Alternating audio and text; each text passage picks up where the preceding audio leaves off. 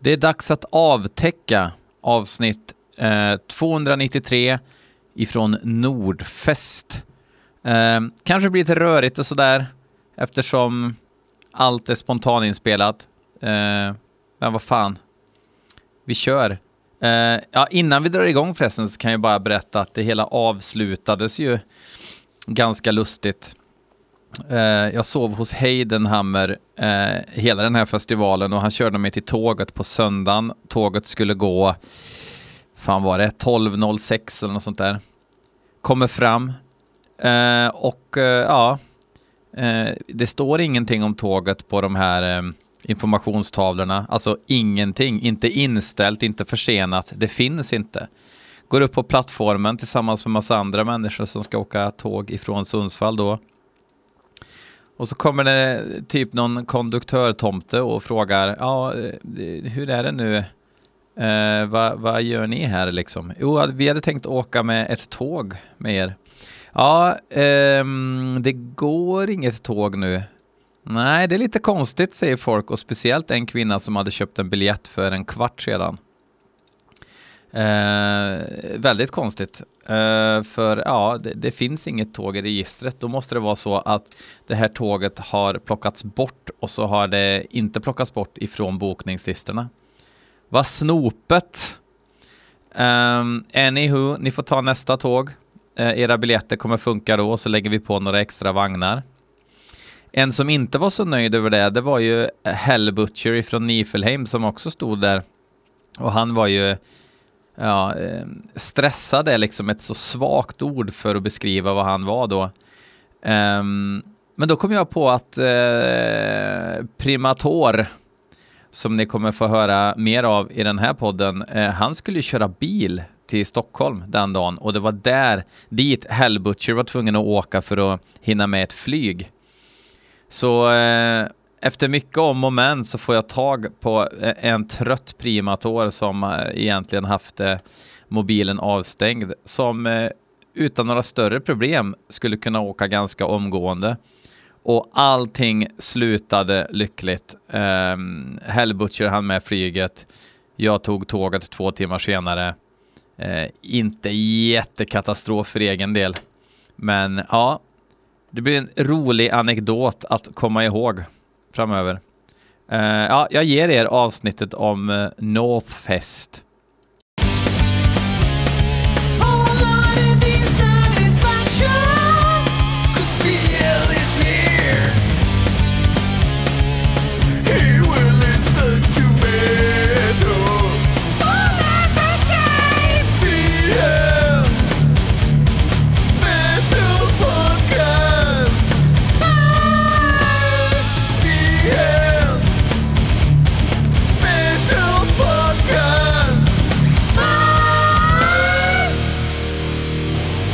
Jag befinner mig i, inte, vad var vi sa, Norrlands Aten. Eh. Ja, vi pratade här tidigare eh, och jag berättade ju att jag till stor del är uppvuxen i Härnösand. En stad med grava akademikerkomplex och som inte riktigt ville lämna sin storhetstid bakom sig. Så de, eh, Härnösand tyckte ju väldigt illa om staden vi befinner oss i, det vill säga Sundsvall. Och det kunde ta sig uttryck som så att man i Härnösands lokaltidning vägrade kalla Sundsvall vid namn utan helt enkelt sa residenshuvudstadens södra förort istället. Ja, den där rösten känner ni garanterat igen. Eh, det var ju Heidenhammer och jag är hemma hos, eh, det är en av Heidenhammers eh, ägor som vi är nu. Det är väl torpet vi är i nu. Cirka fyra mil utanför Sundsvall. En ardenner springer här utanför också. Ja, det är mysigt. Mm. Eh, nej, skämt åsido. Vi, vi sitter här och vi ska gå på Nordfest som ju är inte en NSBM-festival faktiskt, utan en högst, högst eh, mundan är väl ett väldigt tråkigt ord, men en, en, ganska vanlig metalfestival i stadsmiljö. Det stämmer eh, och jag minns att jag också höjde på ögonbrynet första gången jag hörde eh, namnet Nordfest för att det klingade ganska illa i mina öron. Men Eh, nej, några sådana kopplingar finns verkligen inte. Vi ska se, ikväll ska vi se i alla fall Nifelheim och eh, Venom Incorporated. Som ju är eh, Mantas eh, sätt att fortsätta spela Venom-låtar live, känns det som. Mest. Visst var Abaddon med också i början, eller tilltänkt att vara med? Det är ju extremt rörigt det här. Ska vi ta hela historien? Ja.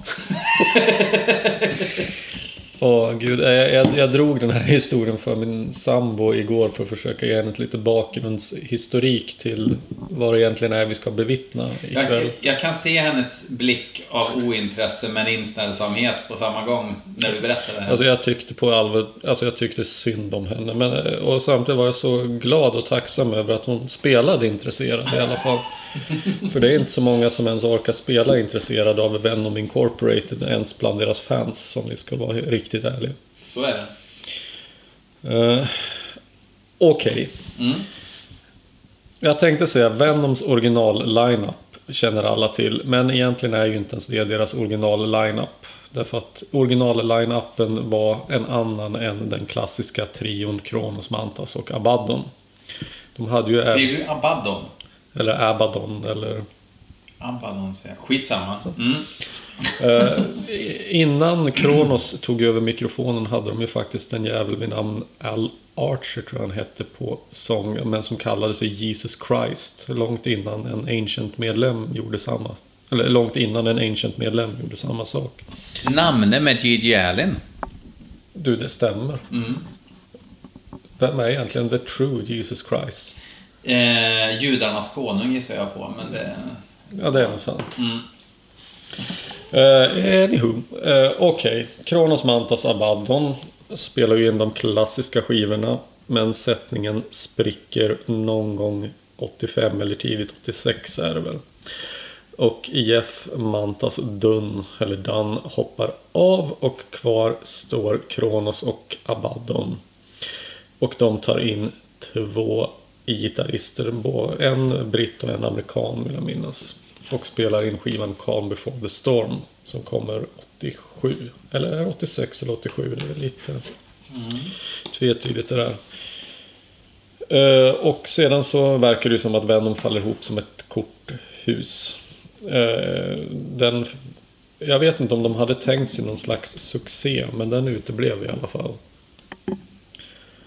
Uh, men på något plan så insisterar trummisen Abaddon på att han ska fortsätta och på något jävla sätt så lyckas han få med sig Mantas igen.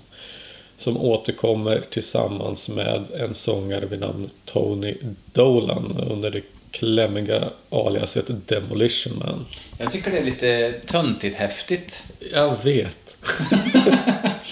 alltså, jag är inte anti att han heter Demolition Man. Eh, för att det är... Eh, det kräver lite balls att kalla sig det. jag menar det. Mm.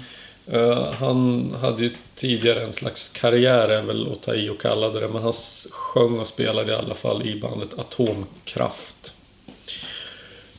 Som Rauptier, tomten, spelar gitarr i va? Det där är så surrealistiskt.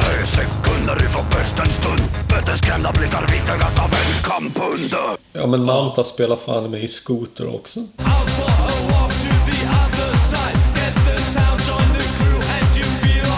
Ja, jo. Men vi kommer dit. Ja, vi kommer dit. Ja. Mm. Uh, Okej, okay. uh, så den här inkarnationen av Venom mellan år 89 till 92 brukar det väl sägas. Krystar ur sig tre fullängdare och en mini-LP och jag tycker ju de är svinbra. Jag har otroligt svårt att förstå de som menar att det här skulle vara dåliga skivor. Jag vet inte riktigt, vad tycker du om den här perioden? Eh, Prime Evil tycker jag är en um, skitbra skiva.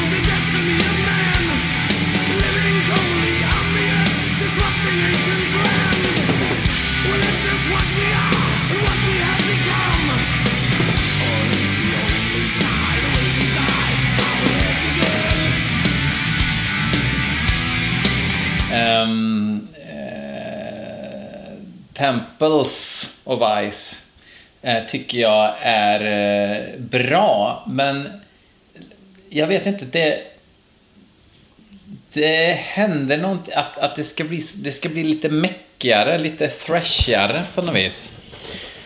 Mindre punk eh, än Prime Evil, samtidigt som Prime Evil by no means är en punkskiva. Eh, men lite av Venom-skärmen börjar försvinna mer då. Den har ju försvunnit lite i Prime Evil också, men jag, ty jag tycker nästan att vi, vi pratar om, om olika band. Mm. Men jag, jag, jag, jag är en förespråkare för Prime Evil-skivan och en, eh, en, en ja-sägare till Temples of Ice.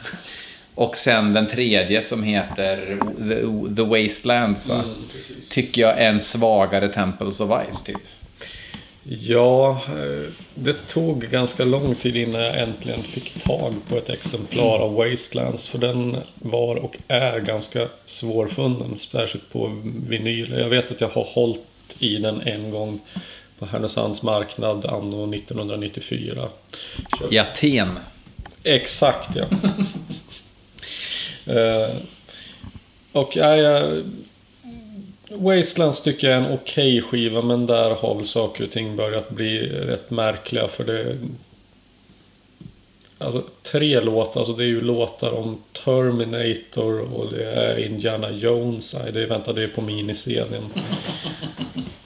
Och, eh, och Konan Barbaren är väl med på ett hörn och eh, en låt är en typ monologparafras på Silence of the Lamps. Den avslutar skivan. En jävla märklig historia med det Uh, äh, men det, det, verkar väl som att de flesta är ense om att det här är väl inte riktigt Venom längre utan det är något annat. Uh, och sen så hade jag fått för mig att då var sagan all. Men det var den inte, för nu går vi in i den riktigt obskyra perioden. The Dark Ages av Venom. Ja, eh, för det var det ju. Mm.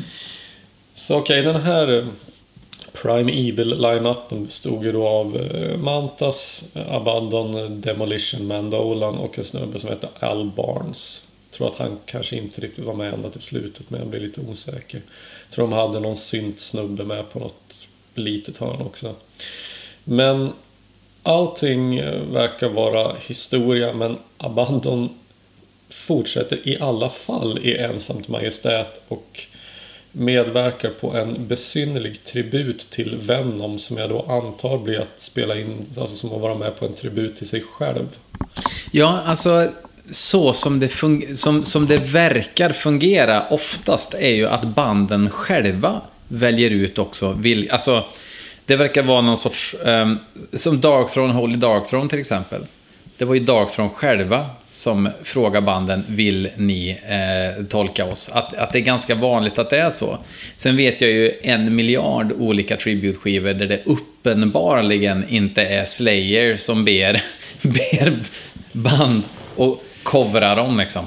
Men ja. Jag tror inte Metallica bad Miscreant att köra Fade to Black. Eller om de gjorde det lär de ha fått sin överraskning när de hörde resultatet i och för sig. Mm. Uh, ja, den här tributskivan, vi har ju pratat om den många gånger på, på Hatpastorn-bloggen, men den heter In the name of Satan. Och uh, ja, men jag, jag, köpte den när den kom 94 och jag upptäckte Venom så sent som 1993 och jag var 13 bast.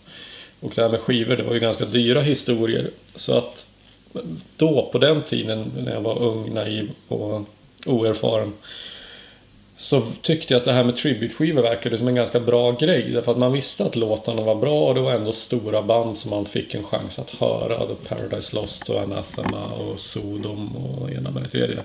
Men som avslutande låt på den här skivan så finns det alltså en inkarnation av Venom som mig veterligen bara bestod av Abaddon som spelar in en bedrövlig industriell skitlåt som heter Holy Man.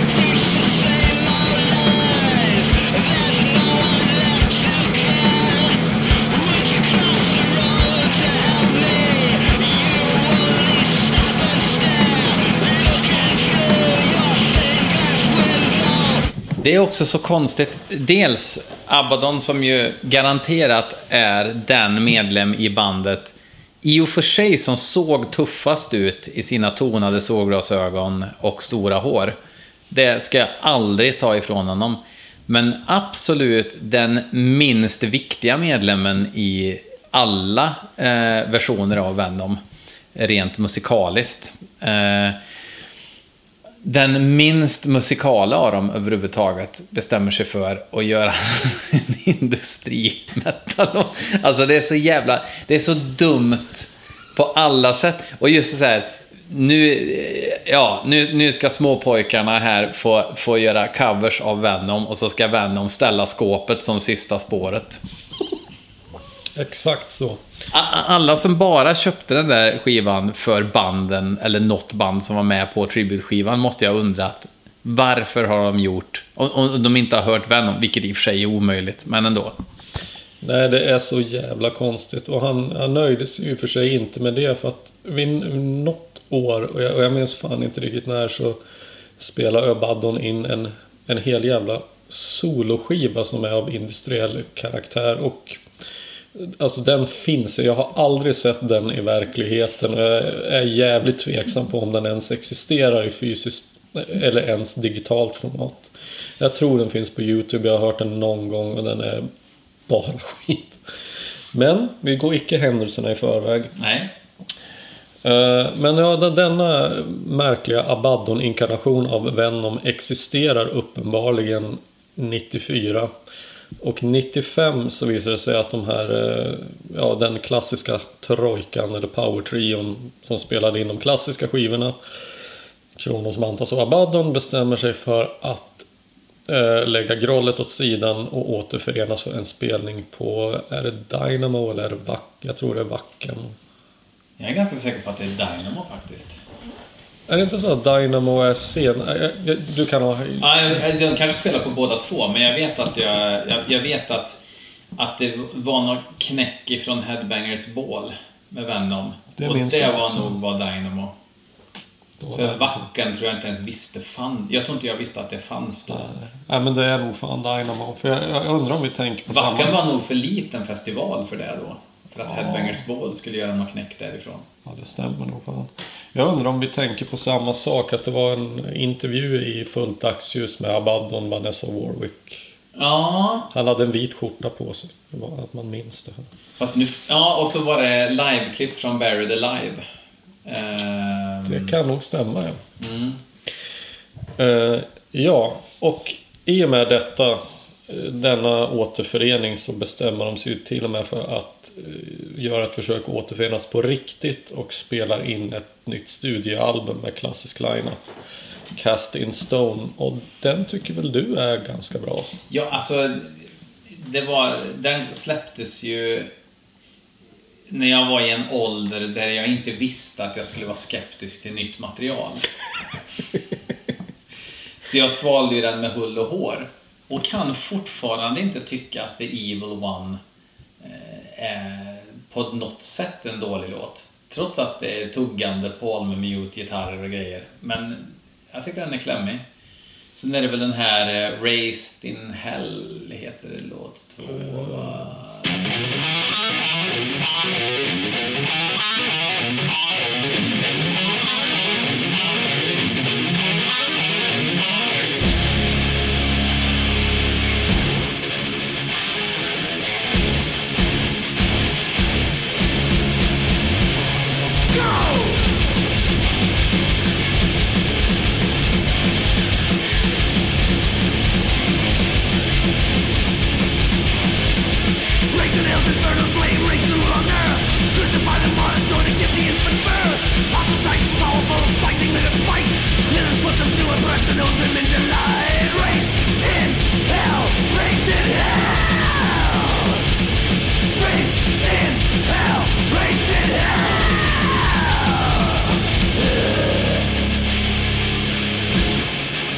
Så osäker. Ja, skitsamma. Um, nej, jag, jag, det är en skiva som jag absolut kan dra på och finna njutning i fortfarande.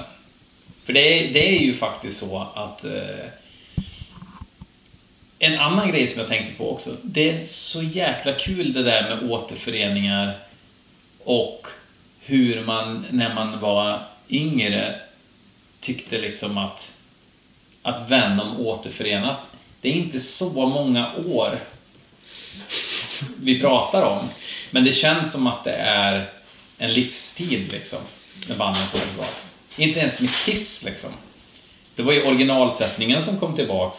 Men jag menar, tiden mellan deras återförening 1996 och Revenge-skivan, det är ju det är bara några år. Det är Liksom. fyra år. Det är fyra år. Där Kiss ändå var aktiva och man hörde talas om dem. Alltså de spelade ju faktiskt in Carnival of Souls. Även om den inte släpptes förrän 97. Nej, nej. Nej, det är fan helt sjukt att tänka så. Ja. Men det, det kändes ändå liksom som att det var massiva mängder med tid som hann att gå. Jo, Fyra år nu liksom. nej alltså det är ju... Allt som är släppt efter 97 är fortfarande nytt i mina Mm, jo, ögon. i och för sig. I och för sig. Men ja, nej men alltså det, det finns ju den här teori om den alltså psykologisk uppfattning om tid. Alltså när man är ett år gammal så är ju ett år 100% av ens livstid. Men så fort du blir två så är ju ett år 50%. När du är fyra ett år bara en fjärdedel. Så att nu när man sitter här vid över 40 års ålder så är ju ett år bara en 40... Tidssnurran bara spinner. Ja. Mm. Eh, Så visst. Men Casting Stone, ja, nej, men alltså, jag, den, jag tycker väl att den är, den är väl helt okej eh, också. Det, Evil One är okej. Jag tycker All Devil's Eve är en riktigt bra låt. Flight of the Hydra är väl en god bit. Och sen så har den skivan faktiskt någonting som andra saknar, likt OLVs chips. Uh, mig veterligen så, nu kommer det säkert någon eh, rättshaverist här och vilja skjuta mig eller något. Men eh, det är den första gången som man på, på, på skiva får höra en vettig inspelning av låten Venom. Som finns med på bonus-CDn i specialutgåvan. Den har vi inte hört. Ja, den, den är faktiskt riktigt bra. Jag tror att den har funnits på någon otroligt obskyr bootleg någonstans tidigare. Men eh, icke desto mindre. Ehm, Sen kommer Resurrection. ja. ja, men okej, jag vill bara säga sista om, om Casting Stone. Okej. Klassisk lineup. Det ska vara klassisk pyro och bonus-CD med återinspelning av gamla klassiker. klassiker. Varför valde de att inte ha originalloggan på skivjäveln? Ingen vet. Och det, men ja. Problemet är, alltså Venom är ju ett band som är kända för att hellre än bra. Liksom. Eh, det är otroligt, alltså gitarrerna har ju faktiskt alltid varit bra. Ja. Eh, trummorna har aldrig varit bra med Abaddon, men de har varit charmiga och man har hört hur han har stånkat där bakom trummorna när han försöker lägga dubbla kaggar liksom. Och, men, men det har varit det här liksom att vi höjer ljudet bara. Eh, och när man lyssnar på skivorna, det låter som att det är så jävla högt uppskruvat allting. Och känslan är fuck off liksom. Ehm, och och då, då blir det ju liksom... Jag tappar tråden. Vad var det vi pratade om? Vad var själva Det frågan? var väl om Loggan. Loggan. Loggan, ja. Då är det liksom att nu, nu, nu ska vi mäta oss med ungtupparna. Ja. Det är ju det som blir problemet. Att så fort man inspireras av nutiden när man är ett band som lever på gamla meriter, då går det inte bra. Det finns, jag tror inte det finns ett bra exempel på det, förutom Alice Cooper. Ja, det, det är ju bara han som Mm. kan. Och så det blir väl det, den berömda, det berömda undantaget som bekräftar regeln. Och sen, okej, visst, i ärlighetens namn, de, de hade inte originalloggan på Wastelands heller. Det är bara liksom en vanlig typsnitt. Och Fast då var det med ett annat band. ja, alltså det, det är det som blir så... Ja, nej men hur man än vänder Jag tycker det var ett konstigt val. Jag tycker det var ett dåligt val. För det, det var som att nu ska allting vara klassiskt igen, men ändå inte. Som en slags safeguard, jag, jag vet inte. Jag kanske lägger i alldeles för mycket i det. Men sen mycket riktigt som du säger. Då är det ju dags för nästa förändring i line-upen. Därför att då för första gången i Venoms historia väljer ju Abaddon att hop- hoppa av inför Resurrection. Hoppade han av då? Fick han inte kicken? Det är väl väldigt oklart. Eh, Men för första gången så ska alltså Kronos och Mantas göra en skiva tillsammans utan Abaddon. Och eh, alltså Resurrection kan jag knappt lyssna på utan att gråta för den är så jävla dålig. Body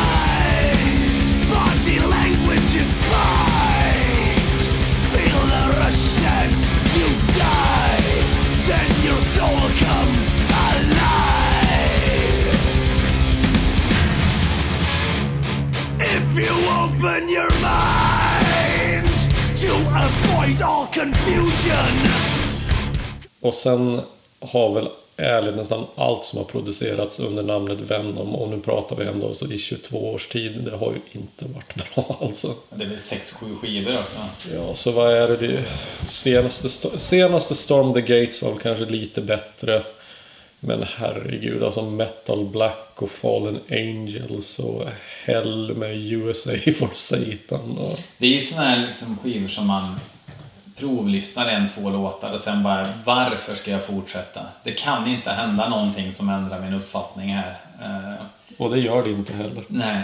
Jag, Men jag, det, det, det värsta är att det är svårt att lyssna på det och, och det där tänker jag lite grann med Venom Incorporated också. Jag tänker liksom om man skulle ta så här gamla klassiska Venom-låtar och så låtsas man att de aldrig är skrivna och så spelar man in dem nu med de här supertajta kvantiserade liksom, trummorna och det här, den här produktionen som förstör så mycket bra musik 2022 som alla klassiska stora thrashband lider av. Ingenting kan ju bli bra om det låter så. nej. Inga låtar får en, får en identitet. ehm, utan det låter bara som ett datapata plipp plopp kalas av allting. Så att många av de här skivorna kanske är bättre än vad de låter som.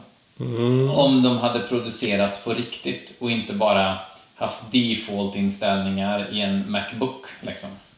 Det är en intressant teori. Det skulle ju varit, ja men precis, hur, hur hade Metal Black låtit om den spelades in 82 i Neat Studios liksom? Precis.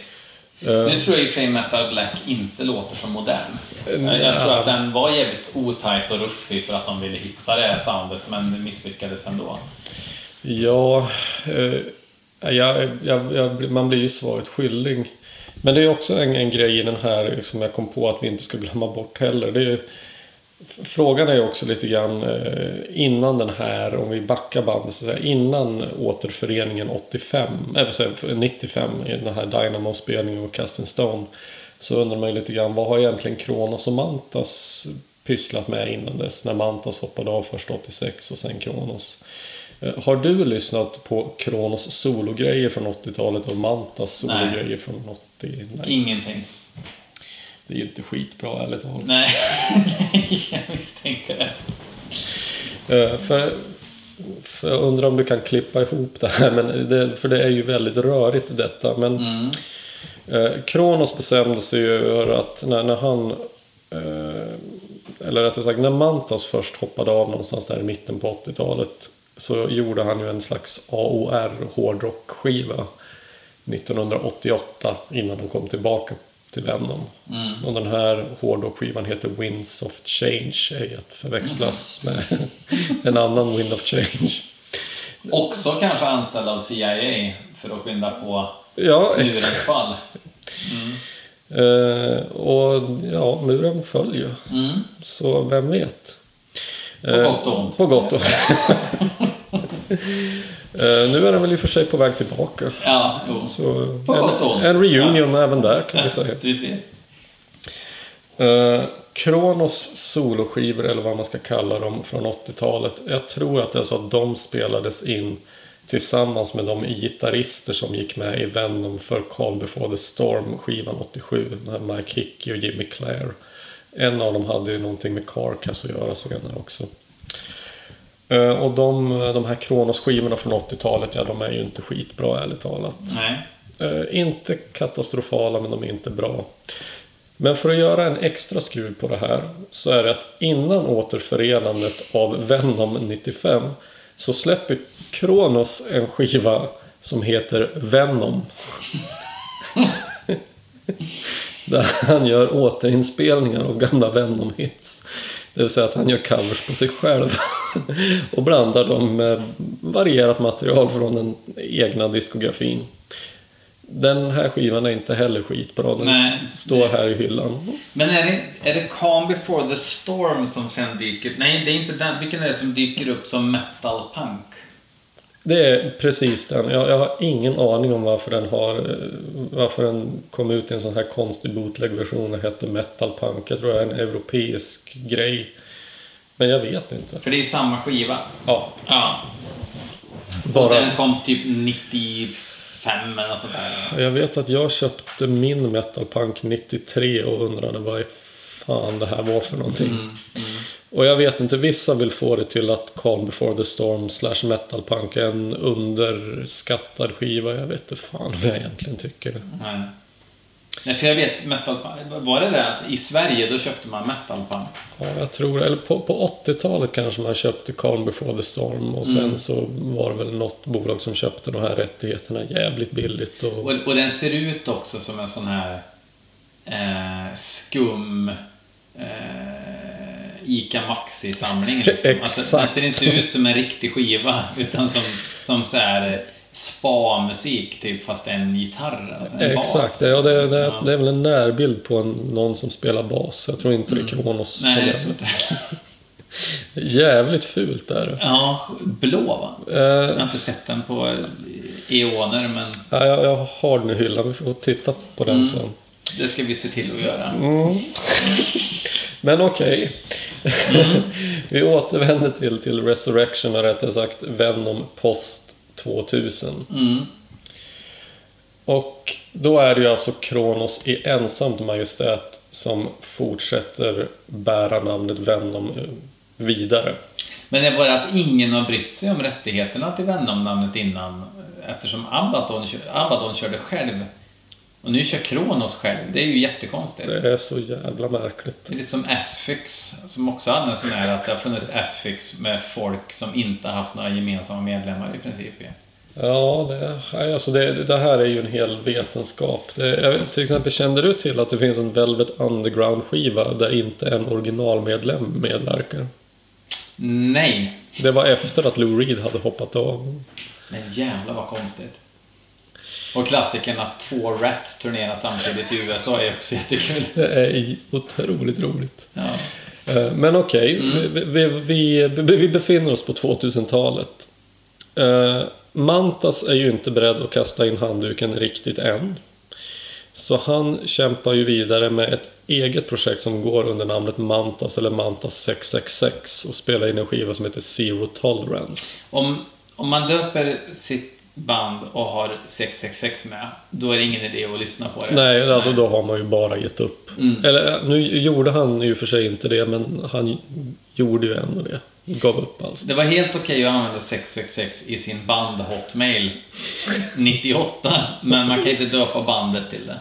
Jag, jag, jag ska vara helt jag, Det är väl lite oklart om det var Mantas eller Mantas 666 eller bägge delar, att de är överlappade. Men ja, han traskar vidare där då i början av 2000-talet. Och jag tror det är så att Demolition Man är med på ett hörn även där, så att de fortsätter ju ha kontakt. Och de är väl typ bästisar, för jag har för mig att Tony Dolan var bäst man på Mantas bröllop eller någonting sånt där, eller versa. Med portugisen, portugisiskan. Det är det nog ja. Han bor ju i Portugal nu. Ja, just det. Men, men jag vet inte, det kanske han gör ändå.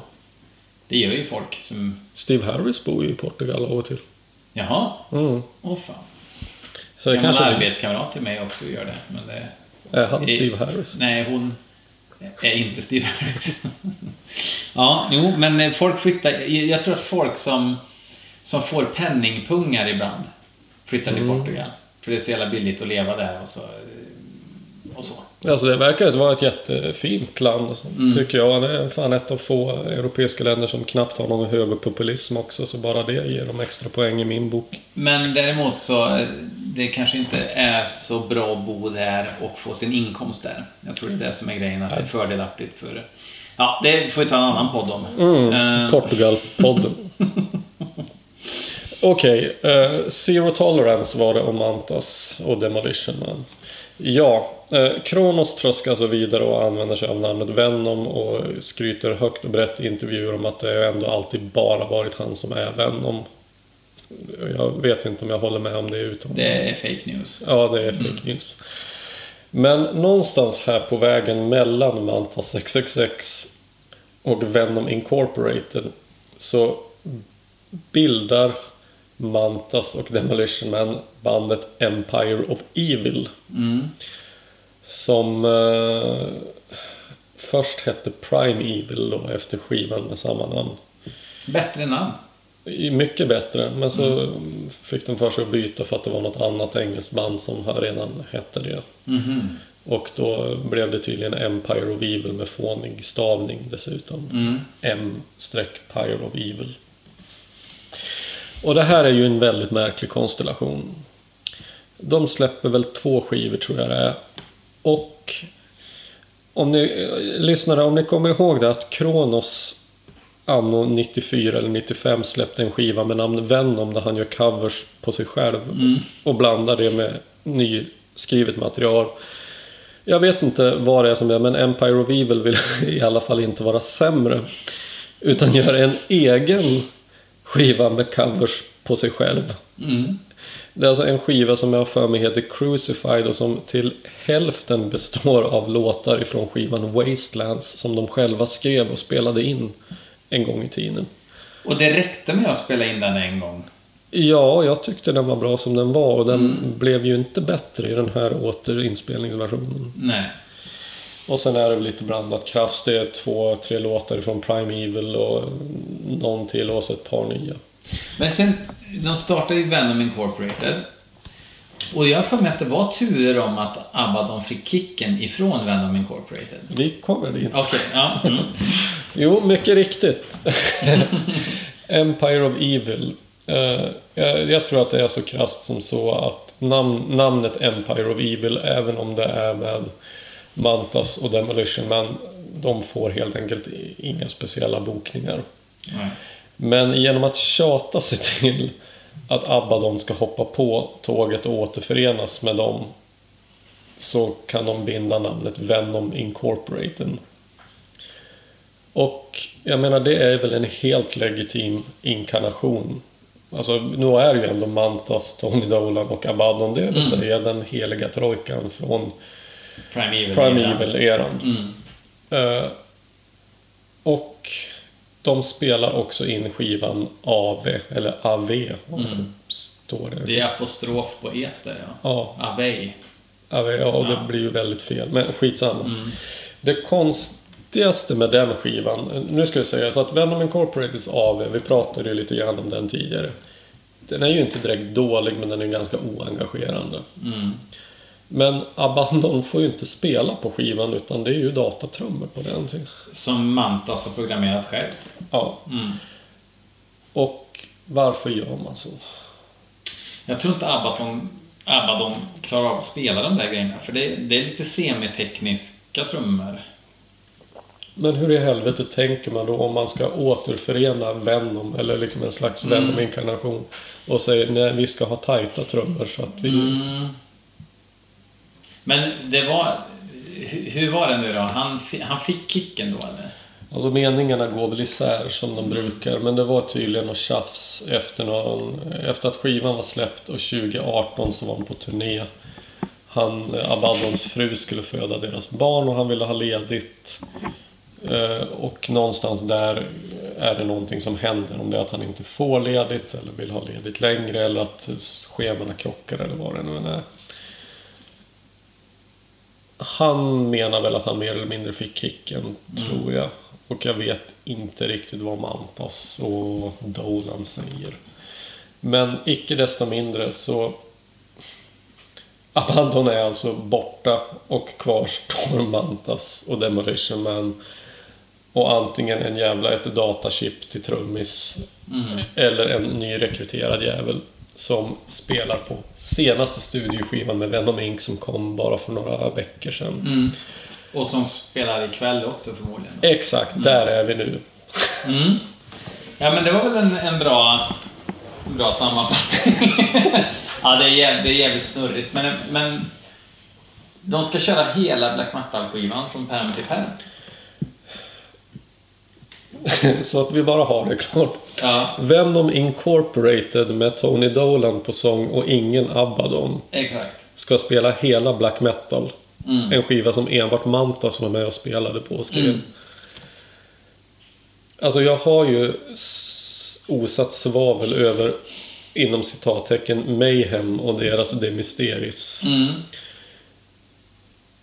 Okej, eh, jag, jag tycker fortfarande att det är så konstigt därför att ingen som spelade på den här De Mysteris eh, turnén var ju med och skrev skivjäveln. Nej. Här är det ju åtminstone Mantas som var med och skrev skivan och spelade på den. Och någonstans är ju jag lite team Mantas överhuvudtaget när det kommer till Venom. För det känns som Abaddon är ju vad det verkar lite av en screw-up. Eh, och Mantas har ju varit extremt... Klart att Kronos varit viktig också. Men Kronos har ju också visat sig vara lite svåra att göra med också. Så att om Mantas vill spela black metal från pärm till pärm, då får de väl göra det. Men om Och han gör det under annat namn än Venom. Men det är nog inte helt frivilligt. Nej, i och för sig. Men, men om vi då har ett Kronos Venom, ett Venom Incorporated med Mantas. Varför har inte Abaddon dragit igång ett tredje Venom AD? Ja, Venom det, eller The Church of Venom kan heta. Så som, som det var The Church of Pungent Stench som jag såg live. Med Danne Wall från Örebro Accidents på bas. Det var också mystiskt att se. Ingenting är ju på riktigt längre. Nej, nej. Men det kanske det aldrig var heller. Nej, nej. Så. Ja, vad har vi för, för att wrap this segment up, vad har vi för förväntningar ikväll? Alltså jag tror att det kommer vara tight. Eh, det jag vill, det är att det ska vara besjälat. Mm. Tight och inte besjälat, det, det har jag inte mycket för. Men Mantas känns som att han är pepp liksom. Alltså han verkar ju så otroligt sympatisk. Ja. Han har ju, det kanske inte alla lyssnare vet, han har ju en livestream varje måndag från sin, sitt musikerkonto på Facebook där han svarar på frågor och sådär. Och han känns extremt trevlig och o-rockstarig. Nej, så är det ju. Jag vet inte vad... Jag, jag känner ju inte till det här. Det var ju du som berättade för mig bara för några dagar sedan, om det var igår till och med. Men alltså, jag vet inte vad som är gulligast märkte när jag fick se det. Att han driver, att Mantas driver ett katthem. Eller att Rock från Sadistic Execution hjärtemo- eh, hjärt-emoji-bombar de här klippen med just hans katter i. Ja, det är ju när Satan fyller 50. jag vet Ja, exakt. Men sen, sen så um, ikväll då. Alltså jag har, jag har inte ens koll på vilka som spelar ikväll. Det är ju, klockan är ju redan nu halv sju. Festivalen öppnar om en halvtimme och vi måste äta först. Vi kommer inte se alla band idag. Eh, Nordfest 2022. Då vill jag bara, när jag skriver Nordfest 2022 i min mobila telefonenhet här, så vill jag bara få upp banden när de spelar och det kommer jag inte få.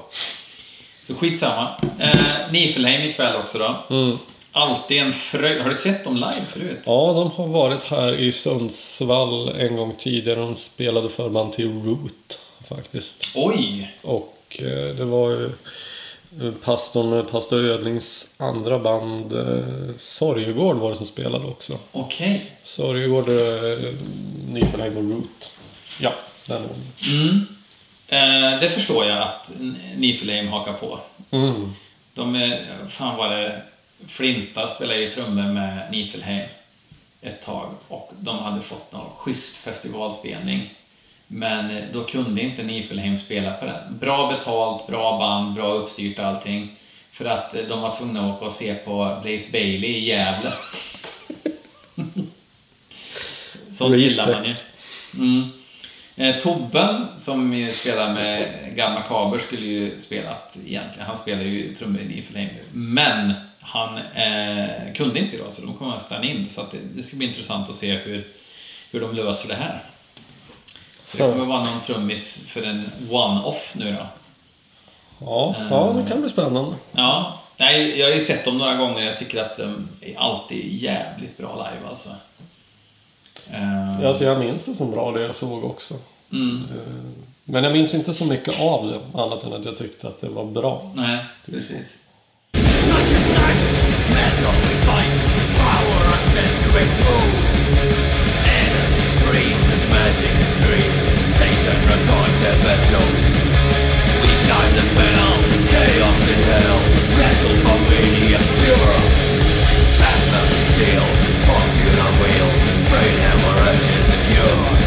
Black metal,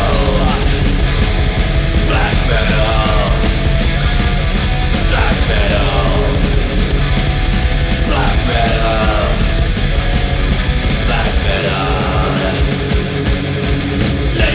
soul to the gods rock and roll.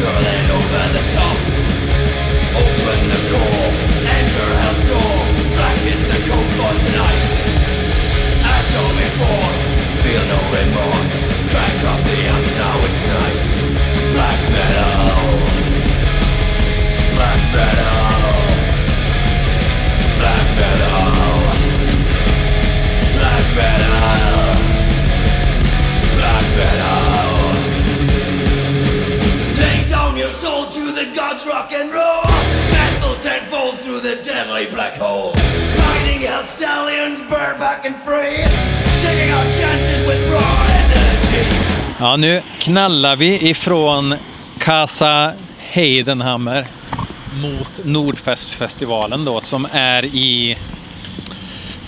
Eh, centrala Sundsvall, men eh, jag är så jävla dålig på gatunamn så jag vet faktiskt inte precis. Men det är typ Folkets hus. Eh, bra fråga. Det ligger i anknytning till stadens biograf, Drakstaden. Eller Dragon Town som vi kärvänligt säger här i Coopers klass. Ja, nu är det ju inte i Coopers klass, men, men eh, man kan säga att du är, eh, du är inhyrd ifrån en annan systerpodd, dotterpodd. Eh, nej, men i alla fall, vi, vi blev ju kvar och käkade dillchips. Eller jag käkade dillchips, du käkade nästan inga dillchips. Nej, jag gjorde fan inte det. Nej. Och eh, tog några glas seitanvin och sen så eh, lyssnade på hårdrocksmusik. Lyssna på Murder Remnants tolkning av, får jag avslöja vad? Ja. Ja, Judas Iskariot. Ja, exakt. Det är inget dåligt. Nej, Judas Iskariot. Alltså det, det är ju ett av alla de här dåliga bra banden i världen. Eh, det är intressant det med Judas Iskariot egentligen, som jag, som, som jag sa till dig förut. Jag tycker att det var mycket Akhenaten inte kunde. Alltså jag kunde eller kan. Alltså kunde för att han eh, låtsas som att han inte har haft Judas Iskariot eftersom hans familj tyckte att som tysk eh, numer eh, bank eh,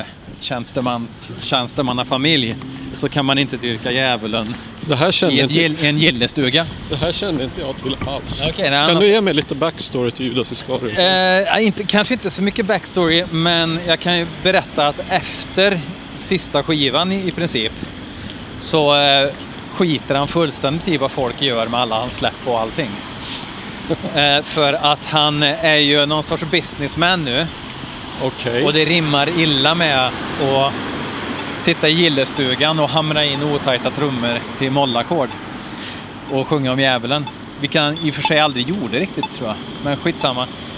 Oavsett då så Det var ju där som Blake Judd från Nacht när han för femte gången sa att han var drogfri och startade skivbolaget som hette... Oh! störande. Eh, Monument, eh, Essential Monuments Media. Det var ju värsta skandalen för att han sa ju att Akenaten på krogen hade skakat hand med honom och sagt att det är okej att du gör återpressar av Judas Iskariot. Så att det kom ju ut officiella bootlegs, kan man väl kalla det då. En blandning mellan officiella och bootlegs på hans eget klipp och klistra-bolag. Så folk fick hem fruktansvärda fotostatkopieomslag på Judas Iskariot. Och han sa att de var officiella men alla andra sa att det var bootlegs eftersom det inte finns något avtal för det här överhuvudtaget. Eh, även svinfula så här. Leviathan gick ju med på att släppa på Essential Monuments Media och tänkte att äh, men, den femte gången nu så kommer nog Jake Blake Judd inte blåsa alla på svinmycket pengar. Eh, och så dök det ju upp eh, innan de pressades så sa ju Jeff Whitehead då i eh, Leviathan att nej, nej, det blir inga, inga kontrakt med er för att det här blir inget bra. Men då sa de jo, fast den som nämnde att han klämde sa de då. Och så gjorde de jättefula återut... släppte, släppte sjuor med så här snea klistermärken och grejer. Alltså, det finns Youtube-videos. Sök på Ascension Mod Monuments Media på Youtube. Och se, ja, Vad, blir, vad betyder det? jag vet inte, men det låter lite coolt. Det låter ganska coolt. Det låter ju mäktigt. Ja, jo. Eh, Problemet är bara att eh, resultaten blev inte så bra och de finns på Youtube. Folk visar sina ex. De få som fick några skivor överhuvudtaget från det här skivbolaget. Eh, oklart hur vi hamnade där. Nu är vi alltså på väg mot... Vi har missat en del band redan. ja, det har vi gjort. Sket man väl i. Eh, Concrete Winds går på klockan 10 till exempel. Sen är det Eskumergament och sen så är det Nifelheim och sen så är det Venom Incorporated. Ja, det är faktiskt Nifelheim innan Eskumergament. Skojar bara. Va? är du säker? Ja. Det, jag tyckte också att det där kändes... Jo, men det är för att det är två olika scener. Ja, jo, jo. Och då, då behöver de eh, Ja, ja, ja, mindre band liksom som fyller ut Ja, emellan. det. så är det. Man skulle kunna säga att Eskumergament är som utfyllnadsmaterial, som keramik på en eh, återvinningsstation under tiden I Nifelheim, Nordanstig. under tiden Nifelheim sminkar på det sista och fixar frippen.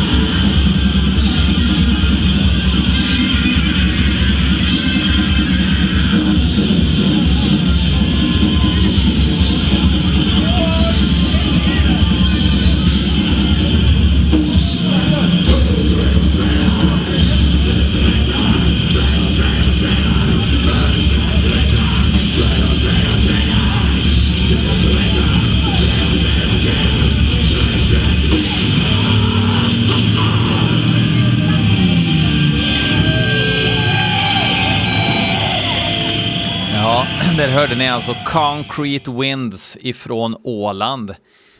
Eh, vissa gånger när man liksom ser, ser band sådär och man bara känner att fan, det här är liksom, det här är the new kid in town. Eh, de har ju liksom bevisat sin sak på två skivor redan och det var ganska mäktigt att kunna liksom se dem live och fan höra vad de gör trots att det är stök och kaos på menyn.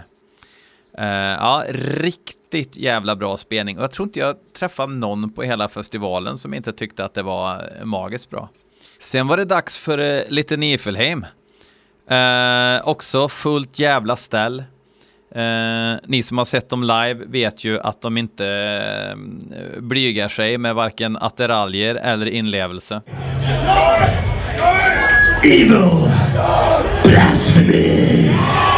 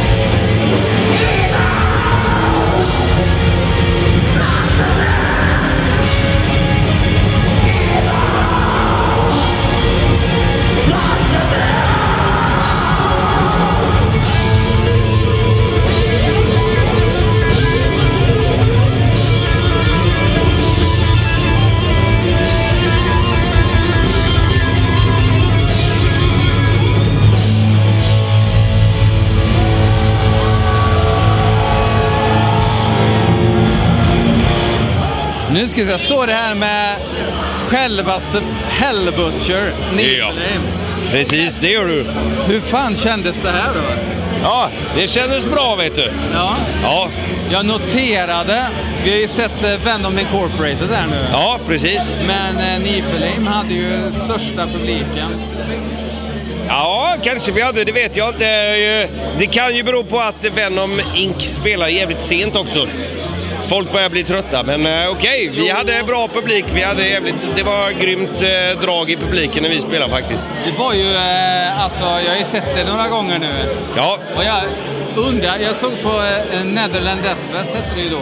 ja, ja. Eh, Det var ju efter Neurotic Death Fest. Men det, fan, det här var vassare alltså. Jaha, okej. Hur kändes det själv? Kändes det liksom... Eh, ja. Jo, men alltså det- jag tyckte det kändes rätt bra ändå. Vi, eh, vi kanske inte gjorde vårt bästa gig förra helgen om man säger så. Så att eh, det var ju bra att man kom tillbaka och gjorde lite, ja, ett bättre gig den här helgen. Ni hade stand-in trummis den här gången? Ja, det stämmer också. Det hade vi förra helgen också, men det var inte det som var problemet. Båda trummisar har ju spelat skitbra, så att det är ju... Absolut. Ja, så att det har ju inte varit några problem som Ehm, vad, tror, vad tror du, alltså ni har ju liksom blivit eh, i det ondaste bemärkelsen folkkära i Sverige. ja. vad tror du det beror på? Ja, ja, jag vet inte. Det är... Nej, nej, det vågar jag inte svara på. Jag, jag har ju mina egna teorier. Ja, Och jag tänker det att, att eh, det är ju liksom... Ni är ju liksom ett, eh, vad ska man säga, ett grund black metal-band liksom. ja, Och gammel-black. Ja. Med tydliga inslag av eh, new wave of British heavy metal. ja, det kan nog stämma bra. Så folk känner igen sig. Det Ja. är liksom bara... Ja, men det är, alltså, det är inga konstigheter. nej. Nej. och det är lite fuck you. Ja, precis. Och Man behöver inte hålla på och hitta på en massa specialgrejer. Det finns ju ett bra koncept. Metal är ju bra från början. Ja. Man behöver inte hålla på och lulla runt med det. Vet du. Det är bara att köra metal så blir Ja. det ju bra. Ja. Men eh, ny skiva då? ja. När Det- kommer den? Ja, det om jag så visste. Eh, vi har ju spelat in den för länge sedan. Den kommer väl att komma ganska jävla snart tror jag. Vad kan vi förvänta oss av den? Av den?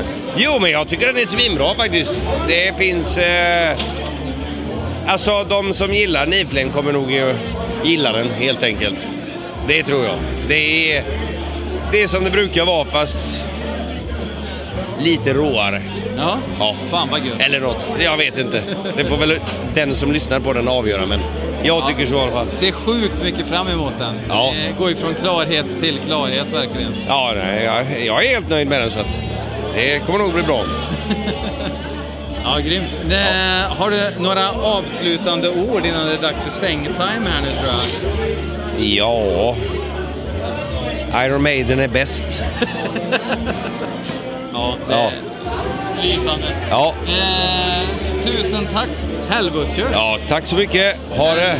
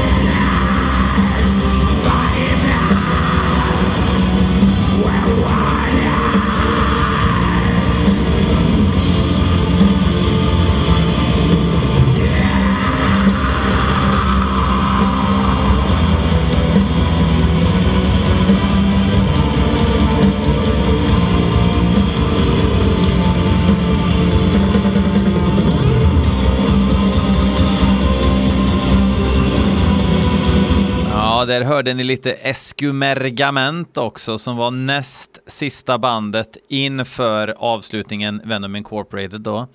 Eh, Eskumergament, eh, Hemliga Arneband, Kåpor, eh, Rökelse. Eh, och li- lite kul också eh, att få, få ett rökelsegig i Sverige. Det är fan inte ofta. De eh, tar ju tillbaka det där och gjorde det fulländat med kandelabrar och grejer. Ehm, väl, väl hörbar keyboard som ni hörde. De gjorde väl exakt det man hade hoppats att de skulle göra i en live-situation. Det var jävligt grymt att se. Eh, nu ska vi hoppa vidare till någon form av samtal tror jag. Står här inför Venom Incorporated med Andersén. Ja, det stämmer. Ja. Skål! Fast Skål, Det här är. Carlsberg i och för sig. Ja, det blev Ja, det Carlsberg. blev Carlsberg. Skål! Skål för fan. Vad vad har varit bäst hittills då? Eh, alltså Nifelheim är ju alltid bäst. Punkt. Ja, men alltså man bortser från... Alltså det, det känns som att det är liksom default någonstans. Det, det finns ju ingen som, som eh, engagerar sig liksom mer än Nifelheim i ett gig. Utöver Nifelheim då, det är, det är ju första dagen bara, men eh, vad tyckte du om Concrete Wins? Eh, fantastiskt bra. Totalt kaos. Jag älskar det. Jag tycker att det som är så jävla grymt med eh, Concrete Winds är att det är totalt kaos. Men precis när man tänker att ja, ja, men det är bara totalt kaos så händer det någonting som gör att det blir intressant. Det är en Morbid Angel-slinga eller det är någon discotakt faktiskt. Stats, stats. Absolut. Och framförallt jävligt mycket kedjor. Ja. Det gillar man ju.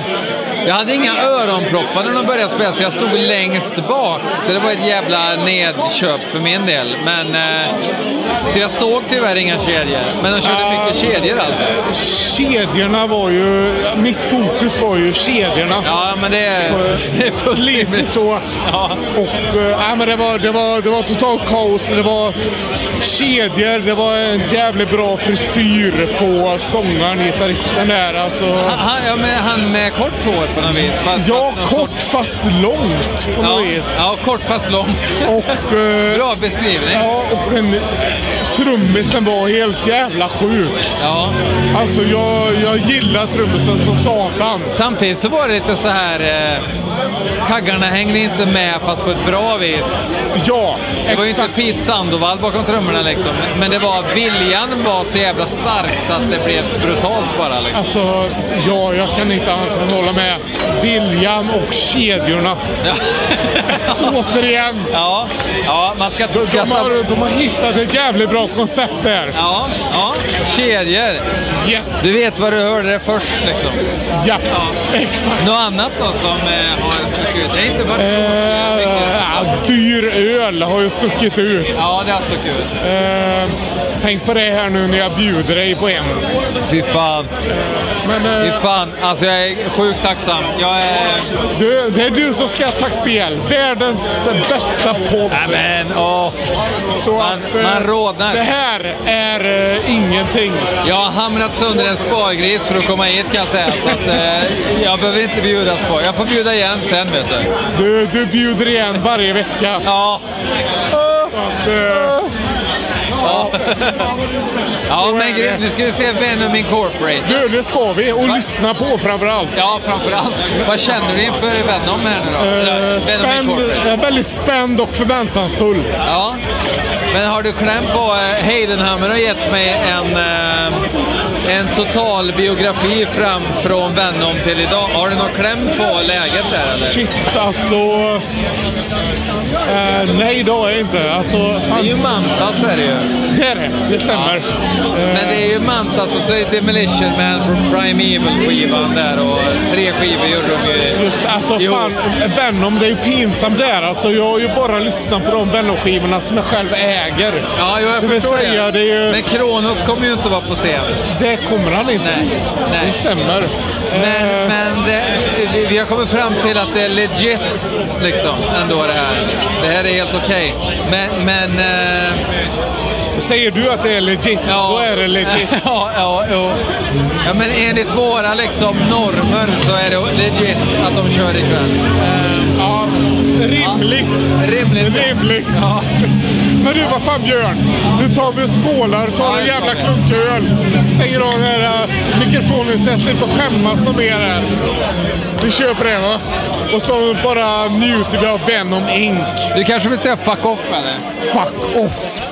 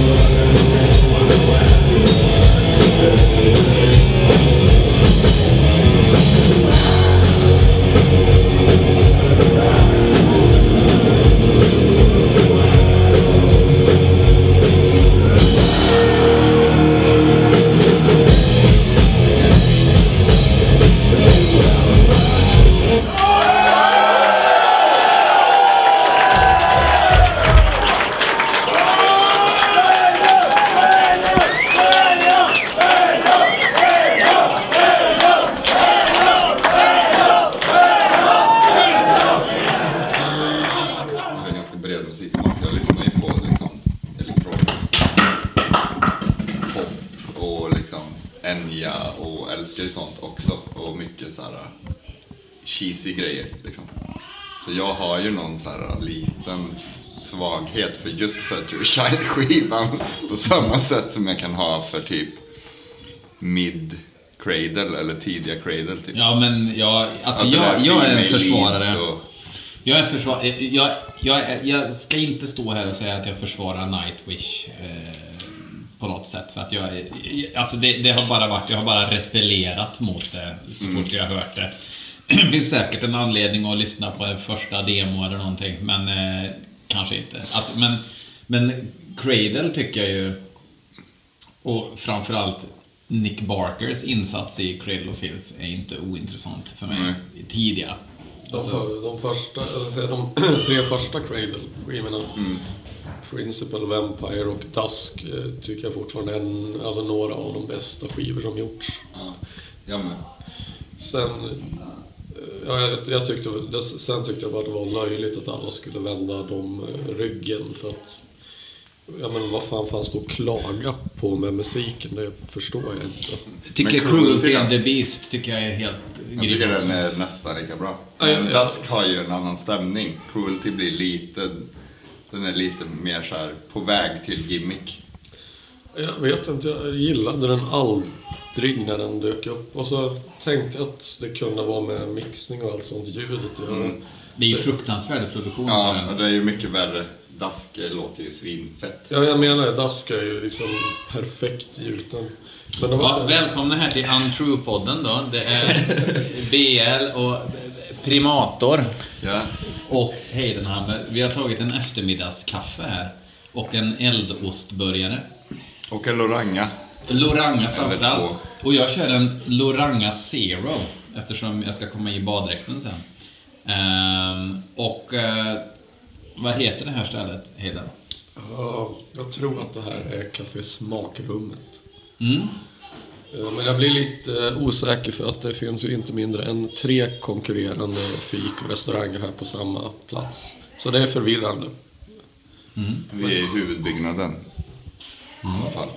Och det är, ja men det är så klassisk herrgårdsmiljö. Eh, det är lite miniskansen.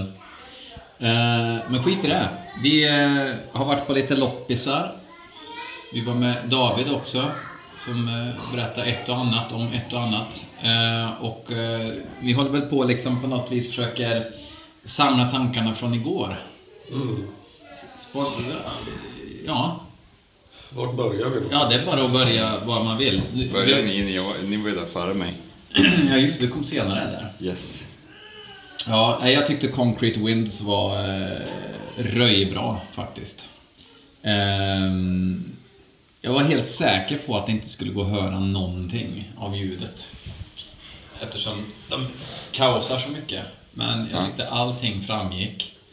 Det var ett jävla ställ.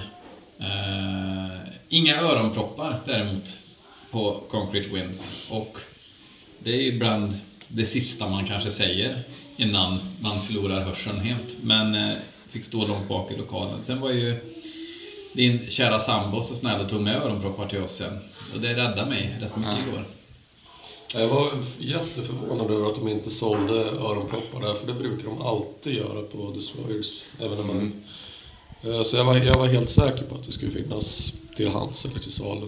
Men- Det finns väl alltid, tänker man? Ja men såna här vanliga gula kan, brukar ju vi ha när vi giggar. Man ger bort till Ja. publiken, bara har tillgängligt. Jag har finproppar med mig om du vill låna. till- Oj, Till ikväll. Är de så här specialt svarvade hos Ja, en- för dina öron. Ja, för mina öron ja. Yours exclusive. Yes. Ja, nej, men, såg ni eh, något innan då? Concrete? Nej, vi kom dit precis när de började. Ja, så vi kom det var mitt sju mål. minuter sent. Ja. Men de var ju jävligt bra. Jag hade ju aldrig hört dem eh, förut. Eller du spelade ju upp en kort snutt av dem innan vi I gick. telefonen. I telefonen. Ja, det är Grattis. guld. Stökigt. Men eh, ja, det var ju faktiskt jävligt bra. Vi har väl kommit fram till att Åland är väl då Finlands Tasmanien. Mm. För det låter ju australiensiskt det där. Mm. Blandat med, ja med van egentligen. Intolerant musik. Mm. Eh, och man älskar ju snabba kaggar som inte riktigt hänger med. Det finns ju inget bättre än en trummis som verkligen försöker men inte blir trött ändå. Alltså, krigar lagom i Mm. uppförsbacke.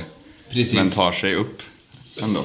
Och sen liksom så här, jag, jag fick en så här känsla av att, om folk, folk inte var beredda på vad de skulle höra. Jag kan tänka mig att det var så när folk liksom, inte för att göra några större jämförelser så, men första gången någon hörde Morbid Angel, liksom Alters-tiden, att, att ungefär samma chock för vissa tror jag. Bara så vi har det här klart nu. Jämför du Concrete Winds med Morbid Angel? Eh, hörde du att jag även la till en disclaimer? Ja, det du faktiskt. större jämförelser så. Nej men just Du den här menar i, i energin. chock, eh, energi och Ja. i ljud, Precis. ljudchock och någon slags... Det är ju ganska kaosigt, eh, Concrete Winds. Och det tyckte man nog när man hörde Alters of Madness-eran av Morbid Angel för första gången också, att det var svårt att pussla ihop vad fan det var de gjorde. Nu eh, kan man ju det eftersom tiden går och sådär. Men det är väl typ rätt sorts meck, Concrete Winds. Mm, Utan att det blir så här eh, tekniskt på ett äckligt sätt. precis. Det är liksom, men det ser man ju även i, alltså de kör ju väldigt så snygg artwork, skitsnygg merch. Jag köpte en t-shirt bara för att den var, såg ut som en så här gammal Och ni vet så här 80s skate, Mm. skräck, punk. Och sen eh, grej liksom. te- text eh, i konvoluten, liksom texterna, det, går, det, det, ser, det ser ut som att man har glömt ta på sig glasögonen liksom, och inser man att man har glasögonen på för att Mm. man får fan epilepsi av att hänga med i texten. Liksom. Ja, men de har ju den en eh, kängiga grejen. Alltså Mm. punkiga så här, kopiator-estetiken. Det gillar vi. Sen så, så eh, såg vi Niffe. Det gjorde vi. Mm. Jag tyckte det var jävligt, också det väldigt mycket bättre än vad jag egentligen hade kunnat tro. För jag har aldrig varit så här vansinnigt inne på Nifelheim själv mer än man har alltid gillat deras hängivenhet och allt sånt. Men själv, alltså musikaliskt har jag väl tyckt att de har varit lite överskattade. Men det här var jävligt bra. Ja, jag ramlade ju in där, kom precis när de började. Sprang på dig det första Mm. jag gjorde såklart. Mm, ja, just ja. Ja, det första som hände när man kommer till Sundsvall, träffa svetsen. Det känns tryggt. eh, jag älskar ju Diffelheim. Eh, allt de har gjort, typ. Men jag är väldigt förtjust i den tidiga eran och lyckligtvis körde de ju mycket tidigt igår. Sen gillar jag dem hela vägen igenom egentligen. Tycker den sista Satana, ta, Satana, Tasana, Tasan är fantastisk också. Men de släppt körde de i någon låt. Och sen har de gjort en grej efter det, ja precis. Men, eh, nej, men de, de håller ju stilen. Det var tråkigt ljud bara, tycker jag.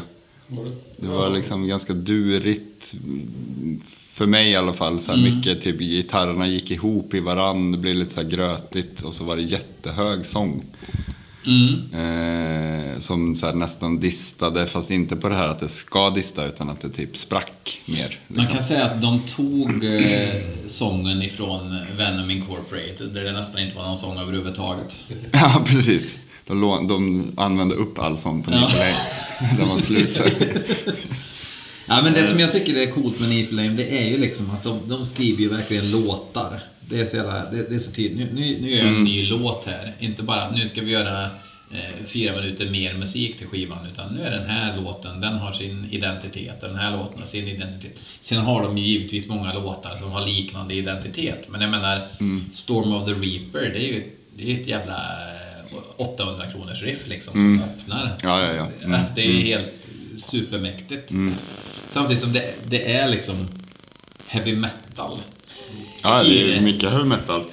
Och vi fick både Manowar-vibbar ibland och, och ibland var det också så här, vet jag sa till dig, när det var när gitarristen körde såna här typ flageoletter på gitarren Mm. ihop med det grundriffet låg liksom. Då blev det, då blev det faktiskt lite cradle-stämning också.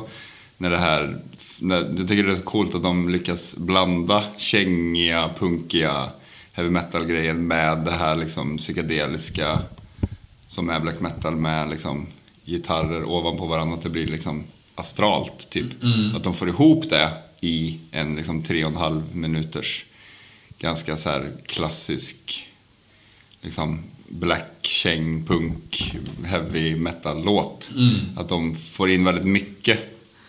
Jag tänker att vi sa det till dig också när vi såg dem igår, att det är så, här, så som sådana band som gör sån musik nu för tiden vill låta så. Men de har inte, de har inte 800 kronors riffet. Nej. Och de har inte attityden eller typ så här äh, låtsnickeriet som Niflame har. Precis. Och jag, jag tror, jag tror Nifelheim låter väl som de låter eftersom deras inspirationer inte är de samma som deras liksom... Nej men det är det som är problemet. Ja. Alltså, som, som är så talande med hela 90-tals, alltså för mig i alla fall med att liksom de banden som startade black och dödsmetall är ju liksom de lyssnade ju på, all, på massa olika metal bara. Mm. Och så bara så här lekte de fram något nytt av det. Mm. Medan nu för tiden så refererar man hela tiden till band som redan har gjort en genre som typ var klar för 20 år sedan. Mm. Eller Och så blir det inget nytt av det. Liksom. Nej, och så blir det massa så här referensbingo eller att de försöker härma något sound Mm. istället för att bara så här. Men för förr så var det ju mer sådär också att om ett band gjorde ett riff som liknade ett annat band, då var det liksom... Då var det hat i fanzinen liksom, mot varandra. Men nu är det ju mer att nu, är det, nu, nu blir folk glada när någon snor ens grejer. Liksom. Nej, vi, vi pratade om det igår. Jag brukar alltid återkomma till det. Jag har säkert dragit den skrönan förut. Men jag har ett gammalt litauiskt fanzine från 94. Eh, där eh, upphovsmakaren eh, sitter och han recenserar demos då och stöter väl på något jag vet inte fan, det kanske var malaysiska As-Sahar eller någonting sånt där. Och eh, fanzine skribenten menar att ja, men det här är väl en ganska, det är en rätt bra demo men en sak är fan inte bra och det är att den här låter ju jävligt lik schweiziska Mordors andra demo så att det här går ju fet bort.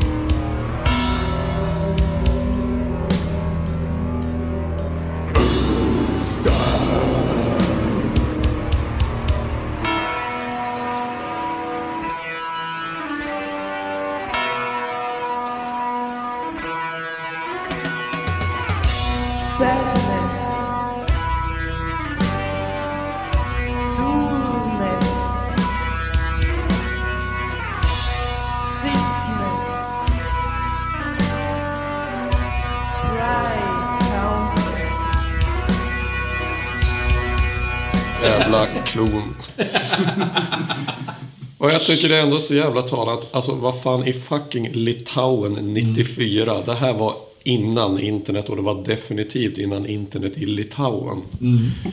Så, eh, jag menar det, visst man kunde bli utskälld och kallas kristen och posör och bla bla bla. Men det värsta skällsordet som fanns vad jag förstod det var ju att vara en klon. Alltså att vara, man kopierade andra.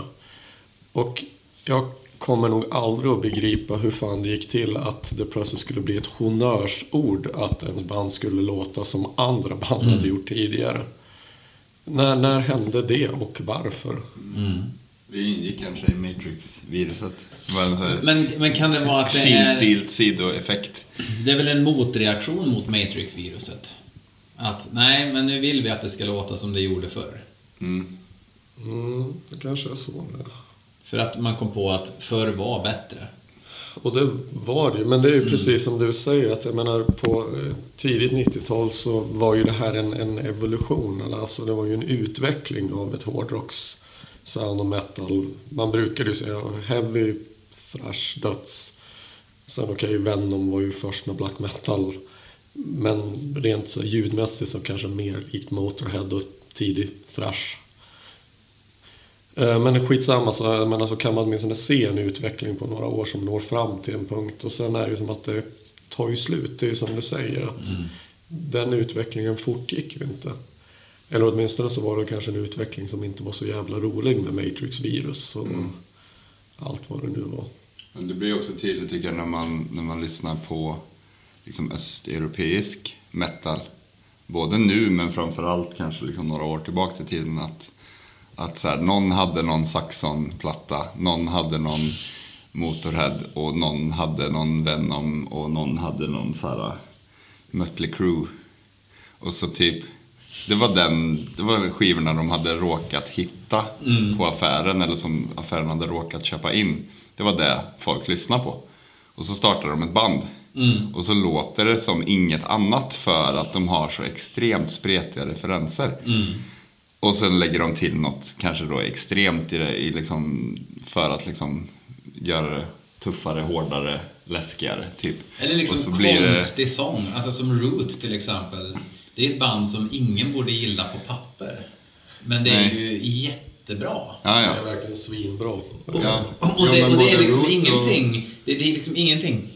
De är tekniskt skickliga. Ja, det är jävligt snygga grejer på de skivorna, Ja, ja, ja. även de första skivorna. Och det är liksom inte som Necro. Eller något sånt där som, som, som är så här klassiskt. Någonting som... De tickar inte de här klassiska kreddiga boxarna, men de är ändå kreddiga liksom. Nej men det fanns ju inga boxar då. Nej. har ingen cred. Så det är bara så att de bara gjorde, det är som Masters Hammer, samma grej. Mm. Att de bara så här helt eh, unikt. Det blir liksom någon, det blir någon så här, för mig blir det så här en högre form av konstart. För att man liksom åberopar någonting som inte har funnits förut alls. Och sen så finns det då band som försöker låta som Masters Hammer och det går ju inte. För att då, då, då har man ju liksom inte med sig Nej. essensen överhuvudtaget. Nej, men det blir som typ unga filmregissörer som går filmskola och vill vara David Lynch. Och så bara, ja fast man måste ha någonting också. Man måste ha en nerv eller en så här originell idé. För att liksom, man kan inte bara så här vilja vara som någon annan. Man måste lägga till något eget i det. Men det är samma grej att så här Black och Death i början av 90-talet var ju inte ens black eller death metal. Det var ju bara en, det var bara metal. Alltså som tidiga Morbid Angel eller tidiga liksom både de stora blackbanden och dödsbanden. De, de spelade någon egen form av metal där precis i början. Och sen bara efter några, e- några skivor eller en skiva ibland så liksom blev det ett sound. Som de sen började liksom upprepa. Så äh, framförallt inom, inom dödsmetall tycker jag att det gick jät- jättefort. Liksom. Att det nästan bara är de första, för mig i alla fall, de första, band, första skivorna med vissa band som är svinbra. För att det är någon så här beyond metal där. Och sen så bara, nu spelar vi dödsmetall, då måste vi göra så här. Och så blev det liksom bara massa upprepningar sen. Venom Incorporated. Venom Inc, Tribal Inc. Ja, alltså For Fans of Låg Sång var det ju i alla fall. Det var eh, eftersom eh, gängse personer, jag, jag måste, en sak som jag reagerar på, att det var väldigt många som inte var där för att man ska gilla Venom utan faktiskt gillar Venom. Det märktes i publiken för det var mycket allsång. Det var jävligt kul att se. Jag har ju ingen röst idag för att jag skrek ju med i exakt varje ord. Mm. Inklusive mellansnack. Och Det var du värt- som överröstade honom där. Ja, men alltså eftersom man inte hörde Tony Dolans sång så får man ju lita till andra. Han var ju eh, uppenbart irriterad över ljudet. Det var ju, men det var väl ett par missar där, om det var spelfel eller om det var att de inte hörde varandra i monitoren eller någonting. Men man såg då, någonting hände, de slutade eller var mellan två låtar och sa It fucking sucks man, it sucks. Ja, God damn it sounds sucks, typ. Ja. Var, var det någon av er som blev klok på vad det var som sagt? Ja, han, han ville ha mer gitarr i, monit- i monitorn tror jag. Eh, och jag menar, det- det vet man ju att ljud ut är inte samma sak som ljud på scen. Nej, gud nej. Det är, en helt eh, det är något helt annat ja. Men det var ju inte jättebra ljud ut heller. Varken på Niflheim eller på Venom. Alltså i min bok i alla fall. Mantas har ju Det sitt jävla har. flanger-gitarrljud Ja, också exakt. som inte är någon lek och ratta Alltså så det att det var blir ju en bra. oblyg eh, Offspring-känsla som infann sig i en låt. Jävlar, jag började skratta då. Lät exakt som Offspring. Det var ju faktiskt utan Venom inget Offspring brukar man ju Nej, säga. så är det. Men var det Mantas skoterperiod som gjorde sig hörd i så fall? Ja, han har ju alltid haft det där. Ninja-period. Jag måste säga, jag, jag Var, tänk- vart var karatedräkten? Exakt. Ja, Helvete. frågade vi oss också. men Ja, det, nu såg han ju mer ut som en, Per sa det, han såg ut som en så här motorcykelpappa i Skilda Världar. Och jag bara, han bara pajade hela spelningen för mig, jag kunde inte sluta tänka på det sen. så jävla träffande. man, får inte, man får inte plantera sådana tankar i huvudet på folk när de ska avnjuta ett gig. Nej. Känner jag. Nej men den här Flanger-gitarren är ju ändå ett signum för Mantas. Men konstigt att han har ett Gary Holt-gitarrljud på Venom Incorporated-skivorna. Det är jättemärkligt det där. Och eh, jag har ju alltid älskat Tony Dolans sång på eh, Venom anno 89 till 92, delvis i Atomkraft. Och, men någonting händer. Eh, det är under Empire of Evil-eran. Det är någon skiva de gör, eller om det är någon miniserie som är det sista man hör av Tony Dolans karaktäristiska sång. Och sen dess jag bli osäker på när det här, men säg att det är kring 2014, 2015. Och efter det så låter han ju helt annorlunda och på det viset som han lät igår och på Venom Inc-skivorna. Och det är ju så jävla trist för att han, jag, jag tyckte verkligen han hade en av metalvärldens kanske bästa röster. Jag vet att jag kanske är ensam om det men för mig var det verkligen en ganska unik röst som han satt på.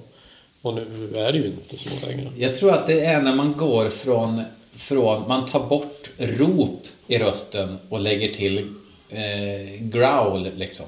Men är det för att Alltså- han är gammal då? Eller vad?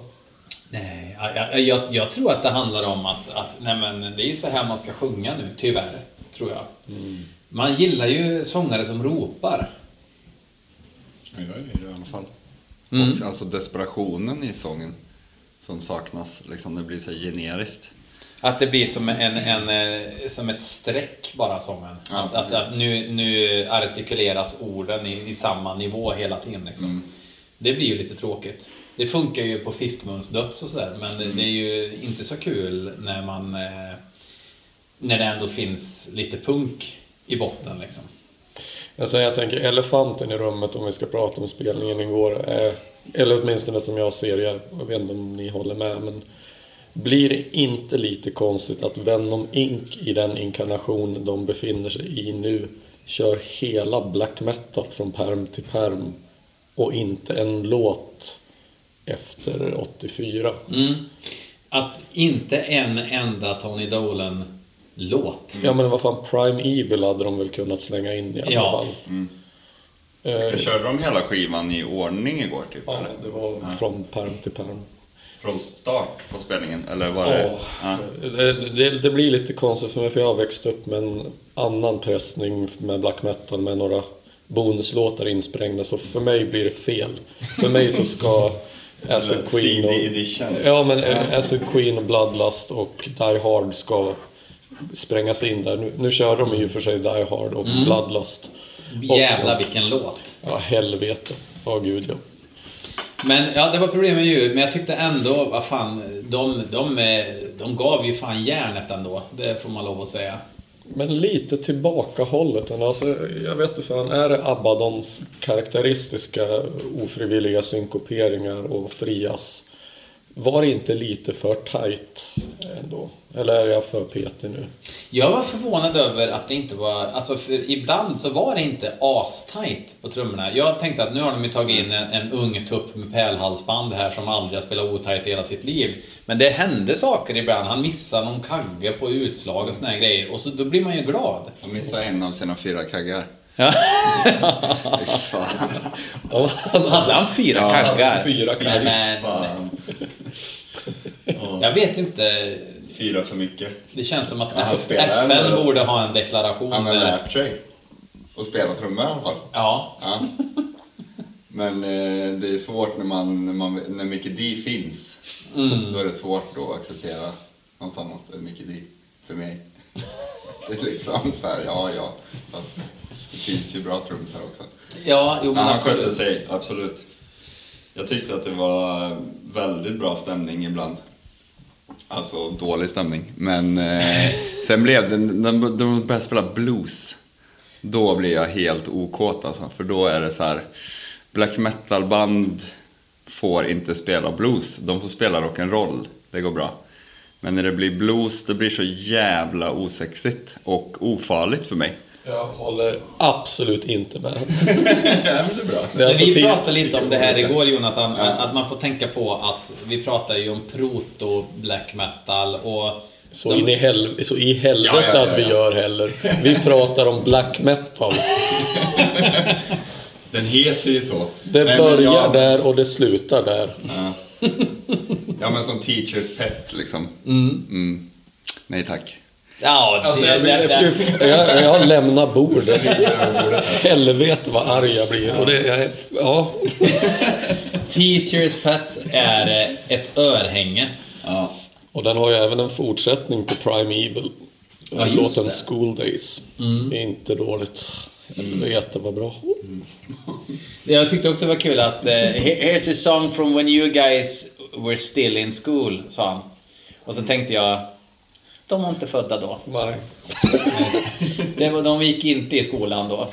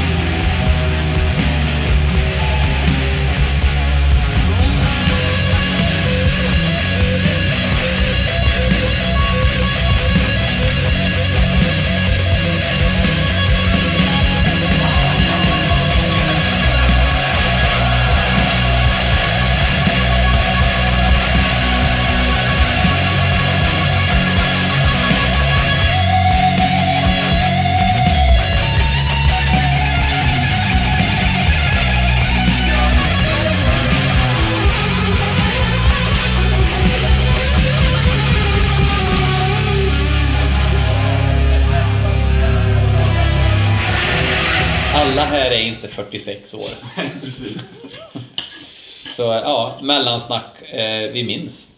Mm. Eh, nej men, eh, men alltså vad fan. Det var, det var en, jag tyckte det var eh, jävligt kul att höra. Och, och det slår mig, alltså. Vad ska man kalla öppningsriffet slash versriffet i black metal-låten är ju bland det bästa som har gjorts. Gud ja. Herregud, vilket riff det är. Och det vet jag ju sen förr. Men det var så jävla gött att höra det riffet. För att när, han kör ju det själv också, Mantas. Så när, när han spelade det riffet själv, då var det ju Venom. Ja. Jo, men... Till Ja, men 100 precis. procent. Men har ni sett dem förut? Nej, aldrig. Okej, och du är ändå nörd? Ja, men alltså jag har aldrig sett Iron Maiden heller. Nej, ja, det kan du vara glad för. Men vad fan! Jag har ju sett Venom med Kronos. Eh, och det var... Alltså det som är positivt med det, Ja, men att det. då hör man ju Kronos. Det var på Gävle Metal Festival. Eller det kanske var, den kanske hette Getaway då fortfarande. Han spelade med dem ändå ganska nyss liksom. Ja, Alltså, I modern tid. ja, ja, ja han, han spelar ju fortfarande under namnet Venom. Men då hade de ju en Mm. Just det. trummis Ja, ja, som- det andra Venom. Det andra Venom, ja. Eh, Venom AD. Nej, det blir Abaddons. Abaddon. Ja, just det. det blir, ja, just det. Venom, Venom Incorporated och så får A- Abaddon köra Ja, men Ven- Venom AD då. Venom eller vad var det? AD. Church of Venom? Eller, The Church of Venom. eller blir det Al Barnes Venom? Han som Eller? Abaddon Plays Venom. Performing. Alltså, Venom. Kronos har ju släppt en skiva som hette Venom när Kronos var soloartist. Ja, vi- Det har vi redan nämnt i Ja, den här podden. gjort det. får jag Vi- på- Men det Ah, är kul okej. för Jonathan. Herregud. Men målsättningen är ju... Jag bara får Jag bara tror- mer vatten på min kvarn för jag inte orkar sätta mig in i det här bandet. jag, de tre första skivorna kan jag lyssna på, absolut. Fyra, fem, sex, sju, sju förra. Calm before the storm, den kan man pausa tycker jag. Men den, den, den är ju inte helt kass heller. Den har ju, det är ju mest, ja, jag, jag, en parentes kan man säga. Det är ju ett svagare ögonblick. Ja. Alltså recensionen den är inte helt kass på den ju inte att såga av sig benen för att nå närmare skivdisken. Men sen, sen sa jag liksom, jag kanske har dragit det här skämtet förut, men målsättningen är ju att splittra DAD så det blir ett DAD-AD. Da, da, da, da. Men eh, alltså jag vet inte, jag blir liksom så här. eh, De kan lika gärna skriva 2022 på sina baskaggar. Alltså de här fyra kaggarna de har. Det, blir, ja, det, blir, det är någonting som sticker i ögonen för mig när det står liksom 1982 till 2022 black metal Venom-loggan. Det blir, det blir Venom Inc. Det blir för incorporated och jag fattar att man inte kan få råa gamla Venom. Liksom. Men det, det, blir, ja, det blir nog lite för osexigt bara. Det blir corporate rock liksom. Fast det ska vara inte det. Sen kan man ju göra det tusen gånger värre med andra band. Man kan ju göra som mig hem och köra det mysteriskt utan Euronymous, Greven och Snorre. Ja. Men det var faktiskt en bra spelning. Ja, men inte fan var det Mayhem. Nej. Men det är ju som en teateruppsättning eller... Jag, jag, jag, Det var ju Mayhem Incorporated. ja, är Men när jag exakt. såg dem, då, då var ju han med. Och sjöng. Ja, Attila ja. Ja, Mm. ja, ja. han, han, han eh, sjunger ju nu. Och det är väl den enda anledningen till att det ens var möjligt. Eller ja, vi kan kunna Hellhammer plays The Mysteries Dom Satanas. Ja, men det, jag, jag och pastorn har ju pratat om det här när vi satt och spånade på Norges Big Four, hur det här, hur det här skulle se ut egentligen. Och då tänkte jag att ja men okej, det, är- det är ju, s- det är ju liksom Ishan och Samot sitter och knåpar ihop och försöker dra med sig gängen och Satyricon är ju på, det plingar ju till i mobilen innan de ens har ställt frågan. Och liksom. Men så är det ju de här som lämnade Jeg begynte å høre ni snakker om Big Four, og Satyricon begynner å være med. Och exakt så var det. Men då är de här banden som inte fick vara med på den turnén och där ser man ju framför sig typ Harald Helgesons Enslaved. Trummisen från Eldskivan som drar igång ett eget. Och där han sitter och spelar trummor till Eldskivan på playback. Från perm till perm. Och kanske med bonus på att han kör första låten en gång till. Och det här har ju hänt. Ja, ja, ja. I, ja. På slakthuset. precis. Ja, ja, men... Eh, Heavens on Fire var ju jävligt fett. Mm. Då fick jag feeling totalt alltså. Då var det ju running wild mode. Underbart. Då blev jag helt... Då, då blev det så här. Gå från det då. Total extas. Super, superstämning liksom. Verkligen feeling. Och sen bara blir det blues igen. Då, kände, då blev jag så här. Är Fast jag vi måste släppa det här ämnet nu känner jag, för att det, det blir för dålig stämning här inne. Ja, okej då. Heidnammer har kissat ner sig här. Kaffet rann igenom fort. Vi måste, vi måste släppa det här med blues. Ja, men det, var, det var en värdig spelning. Mm. Absolut. Kul att ha sett. Alltså om man inte vet att Mantas verkligen är besjälad och, och bryr sig om sitt arv. Mm. Om man inte vet det så tror jag att man ser mer på det här cyniskt. Jag tror att jag, i och med den bilden jag har av Mantas 2022, gör att jag eh, är villig att se åt sidan med vissa saker. Liksom. Jo, nej men alltså visst, tar man ett steg bakom och kollar med utomståendes ögon så måste det här vara en jävligt märklig konstellation. Ändå. Det var som när jag såg Thin Lizzy live i Kil på pizzerian. Det var inte Thin Lizzy jag såg. Chin Lizzy. Men alltså... kan du en gång till? Vilka var, vilka var med? Det var ju bara Brian Robertson som mumla eh, The boys are back in town. The boys are back in town. Och det var... full. Jag såg inte Thin Lizzy den kvällen, så som man kan säga. Det är som att gå på Bob Dylan. Jag vet inte ens om det är ett planterat minne, om det var en kompis som såg den ens. Alltså för, för så lite intryck var det. Men, men eh, oavsett så är det true story. Att, eh, Det är helt otroligt. ja, mannen som, som är en fantastisk gitarrist men förstört allt vackert runt sig i 40 år. Ehm, ja, nej men och sen så såg vi ju, vi har pratat om Niffe, vi har snackat om eh, Kocke Vinne och vi har snackat om eh, Vän och Min. Ursäkta, du har visst det. Ja, Oj! Oj, då fortsätter vi. Ja, då får vi fortsätta Ja, eh, snacka. Självklart. Ja.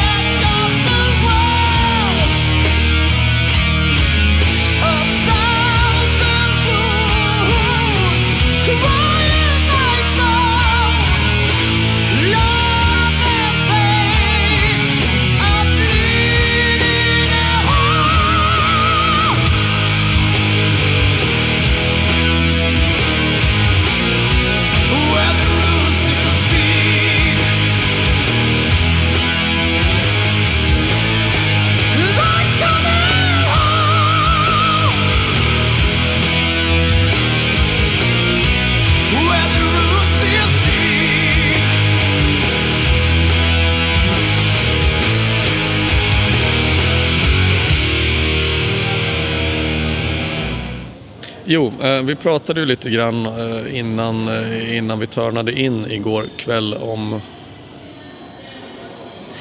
Förlåt, vi tre pratade ju liksom om ögonöppnare, alltså hur man kunde bli starstruck för människor och så här. Och kanske när man slutade bli det. Eh, och då tänkte jag på min egen tonårsperiod. I och med att jag, jag, jag växte upp som tonåring i Härnösand och det här var tiden innan internet. Hootenanny Singers va? Exakt så var du. Du var där. Ja, jag var, jag var där. Uh, nej, men jag trodde... Jag trodde att alla som lyssnade på black metal var satanister. Alltså på riktigt. Och Eh, jag hade då, det fann, eh, i Härnösand så var vi väl tre personer som hade svarta kläder på sig i tonåren och två av dem var syntare och så var det väl jag då. Och så en gitarrist till som jag spelade lite grann med. Men hur som helst. Jag tog black metal på absolut största allvar. Och eftersom det här var, jag ska inte säga att det var tiden riktigt innan internet för det fanns ju men det var väldigt begränsat med material på det nät som existerade. Eh, så vad gör man om man är ung, oskuldsfull och vill lära sig allt om djävulen? Ja, då går man till Härnösands stadsbibliotek. Och av någon anledning, jag vet inte vem som var bibliotekarie på Härnösands stadsbibliotek, men alla böcker av Lovecraft fanns. Eh, Satanic Bible och Alistair Crowleys självbiografi och en massa annat jox. Någon måste jag ha köpt in det här och jag vet inte vem det var. Men där satt och eh, den här boken eh, Naturligt övernaturligt också. Som om inte den hade funnits så hade ju black metal Sverige aldrig sett likadant ut som det gjorde. Eh, ja, men där satt man på pojkrummet och pluggade ju alla de här allt det här materialet och drömde sig bort i de fanzines man hade kunnat få skicka till sig och sådär. Och när jag till sist då anländer i Sundsvall fem mil söderut där jag knappt satt min fot tidigare så märker jag att shit, äntligen är jag biet som får komma till sin egen svärm och liksom hänga med andra svartklädda. Och jag var helt övertygad om att alla som går omkring med upp och nervända kors eller pentagram eller attribut, men de är ju också satanister. Och jag varit helt knäckt när jag insåg att det är ju för fan ingen som är det på riktigt. Alla är bara trevliga och glada hårdrockare. Ja, de var false. Ja.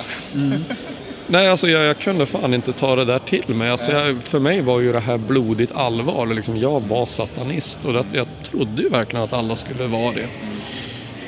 Jag, Men jag menar, vem, vem, vem i liksom trodde inte att It, Tony Särke, var superövertygad djävulsdyrkare? Det kanske han var i och för sig. Jag vet inte. Nej, jag vet inte heller. Men det var också att jag... Vi pratade precis om, om gamla Dark Funeral tidigare och självskadebeteende och sådär. Och det var lite märkligt därför att jag kommer mer ifrån en laviansk Church of Satan-riktning. Och när jag fick reda på de här självskadebeteendena inom black metal-scenen så jag vart bara liksom så jävla avtänd av det för att på den tiden då var man ju liksom mer någon slags socialdarwinist libertarian i och med Church of Satan så att Jag tänkte att du, att du var socialdemokrat inom Church of Satan. Nej, det kom senare. Nej, men jag, jag, vet inte. Jag tyckte liksom att eh, jag, jag kunde inte alls förstå det här. Att om det här ska vara någon slags elitmänniskofilosofi. Jag vet inte riktigt hur mycket elitmänniska är att gråta sig till sömns för att man behöver gå till jobbet nästa dag. Eh, Och att liksom gå på socialbidrag kändes ju inte riktigt som satans krigare som stormar. Det är mycket hyresrätt och takfläkt över den elitismen. Ja, alltså jag var ju verkligen inte bättre ska vi säga. Så de här idéerna la jag ju av med ganska fort. Vill jag bara ha till protokollet. Men ja, jag, jag vet fortfarande inte riktigt hur man kombinerade alltså uppenbar psykisk ohälsa och att vara ledsen med att vara elitmänniska och satans avantgarde liksom. Men det är som med Leapsills black metal liksom. Ja, ja, ja. Ja, men det var det jag tänkte komma till. Att liksom, det är ju... Jag, jag kan inte... Jag, ser inte jag, jag kan inte se upp till... Jag kan inte se upp till det. Liksom. Jag kan inte ha respekt för, för att, man, att, man, att man har de här två sidorna. Att man både ska vara tuffast i världen men man, som du säger, man klarar knappt av typ handla, gå till jobbet, ta hand om sina barn eller vad man nu gör. Nej, Liksom. men eh, det var det jag tänker på främst, eller det som jag fick med Ground Zero var när Dark Funeral intervjuades i ungdomstidningen Chili som distribuerades gratis på gymnasieskolor och i uppehållsrum på högstadiet. Eh, Och där var de och grät ut om att det var så jävla jobbigt att träffa folk och det var mycket socialbidrag och eh, jag bara tänkte, men alltså ska det... Va? Ja, jag vet inte, det här var väl ett Jag tänker att min satanism är min superkraft, brukar jag tänka. Berätta lite mer. Det finns inte så mycket att berätta. Men, nej, men jag tänker på Ole Apollyon. Brukar ju snacka om, eller brukar ju snacka om, men jag har hört honom snacka om hur man liksom utan psykisk ohälsa ändå, att det var en grej liksom när man dyrkade black metal i Norge, att han lyssnade på Darkthrone och skar sig med rakblad liksom för att få, för att få helhetskänslan. Och Ole tänker ju inte jag är DSBM direkt. Utan snarare tvärtom, extremt eh, stabil person liksom. Eh, men att det var liksom, den biten kan jag ju förstå någonstans. Eh, men då, då, då handlar det kanske inte, det är klart att det är ett självskadebeteende.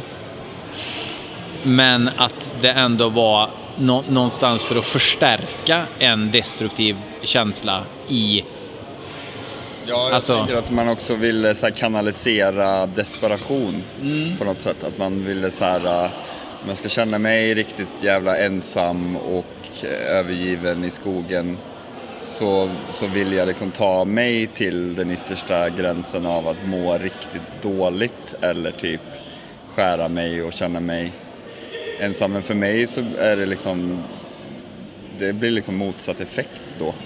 Alltså man pratar om klinkers black eller kakel black eller lipsils black eller vad hy- hyresrättsbläck. Ja, att det blir liksom så här. äh, Det finns ingen, det finns ingen kraft i det för mig. Nej men alltså vad fan, black metal ska väl få en att vilja skära andra, inte sig själv. Ja, Det perfekta black metal-riffet så vill man ju liksom använda långa knivar som längdskidestavar och bara eh, mosa igenom publiken mentalt. Ja. Då har man skrivit ett bra riff. Exakt. Machete-mode liksom. Ja, precis. Sark, sark, sark. Liksom att eh, fuck everything, fuck you all. Nu jävlar, nu åker vi. Nej men jag menar, och jag är ju rätt ortodox i det här som vi pratade om lite grann tidigare. Att jag tycker att sjunger man inte djävulens gospel då är det inte black metal. Så är det inte satanistiskt så är det inte black metal för mig. Grejen är att jag, fa- Kvar där nu då? Ja. jag, jag förstår inte varför, varför man behöver ju inte kalla, varför måste man kalla det någonting överhuvudtaget som band liksom? Jag vet inte. Ja, men det var ju det vi pratade om förut med att liksom i, börj- i begynnelsen av båda de här, både döds och black metal så, så fanns det ju inte några benämningar. Jag tror att det fanns en fri, inbyggd frihet i det som försvann direkt. När Entombed fattade att de spelade dödsmetall så blev, liksom, blev de ett dödsmetallband direkt på andra skivan. Och för mig blev de liksom tio gånger sämre då. Direkt för att de, de fastnar i en, en mall där fort. Liksom. Men, men handlar det inte om liksom att vi lever i hashtag-världen nu också? Att eh, ska man nå ut med sin musik ska man ha rätt hashtag. Och vi har ju D-moll i den här låten, då är vi väl black metal tänker många liksom. Och så, eh, och, men vi pratade ju också om, eh, du och jag tidigare idag Hayden, det här med att om, om det, det handlar inte nödvändigtvis om att man måste vara en troende satanist för att spela black metal, utan att det ska handla om djävulen. Men alltså absolut inte. Men alltså, black metal startas av Venom. Venom var aldrig troende satanister. Men du ska fan i mig sjunga djävulens lov om du ska spela black metal. Annars är det någonting annat. Och eh, alltså, för mig är det här som no-brainer. Det var ju, alltså, Euronymous sa ju samma sak, att det spelar ingen roll. Det är klart att Merciful Fate är lika mycket black metal som Venom eller Mayhem. Alltså är texterna sataniska så är det black metal. Eh, och jag menar även en massa andra av de norska banden på 90-talet var ju helt med på det här. Det var ju därför Enslaved kallade sig något så fånigt som Viking metal. Men det var ju just för att särskilja sig att vi sjunger inte om Satan. Och Immortal spelar Frost Demon Battle Metal. Och som de gjorde det.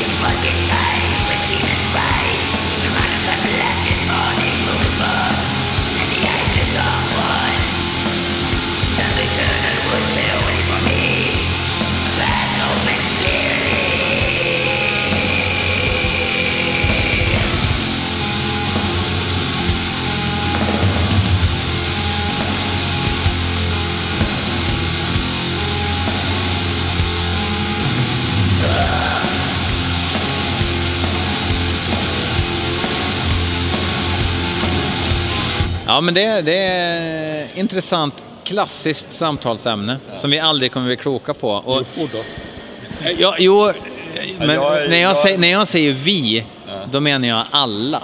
För att uppenbarligen så går inte det här riktigt in hos alla. Men det är ju, jag, jag kommer ju från den musikaliska hållet istället.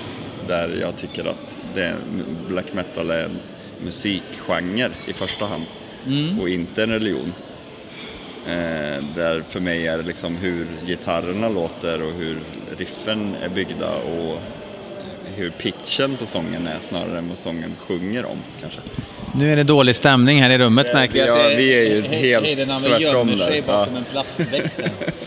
Nej men så är vi är helt tvärtom, alltså vi tycker helt eh, olika där och det är ju fint liksom för det är ändå någonstans för mig handlar det bara så här, gillar man musiken eller inte typ? Nej, men så här, det är klart att allting handlar om vilken definition man utgår ifrån. Men för mig som jag ser det är att, ja men typ om man exempelvis ska försöka, alltså, i, inom statsvetenskapen om man pysslar med ideologiforskning och man ska eh, försöka hitta så att säga vad är kärnan i en ideologi så kanske man tittar på en massa olika uttryck för en specifik form för att sedan se vad har de här för gemensam kärna. Eh, liksom, vad är det för ingredienser som är gemensamt i alla de här uttrycksformerna? Och kan man hitta dem så kan man säga att man kan definiera en ideologi. Eh, och om man ser samma sak med, med musik då så tänker jag att för mig så har black metal alltid varit så att säga ett, mer av ett lyriskt koncept snarare än ett musikaliskt. Därför att annars så blir det här väldigt märkligt för mig därför att Venom, Samael, Blasphemy, eh, Panfage eller vilka nu än vill prata om. Så eh, det är ju inte så vansinnigt många musikaliska, det är inte så många musikaliska gemensamma punkter. Utan kärnan hamnar snarare i det lyriska som jag säger det. Eh, Och det här blir ju liksom, ja men när folk börjar prata om att ja, men Venom är inte black metal, det är thrash. Ja, men det var för fan de som myntade begreppet. Det det- För mig är det urkällan och jag kan inte se hur det kan vara på något annat sätt. Däremot jättemycket av det som kallas black metal idag skulle jag säga är Visst, det finns ett musikaliskt derivat där man har börjat renodla någonting som gjordes tidigare eh, och det finns ett specifikt sound.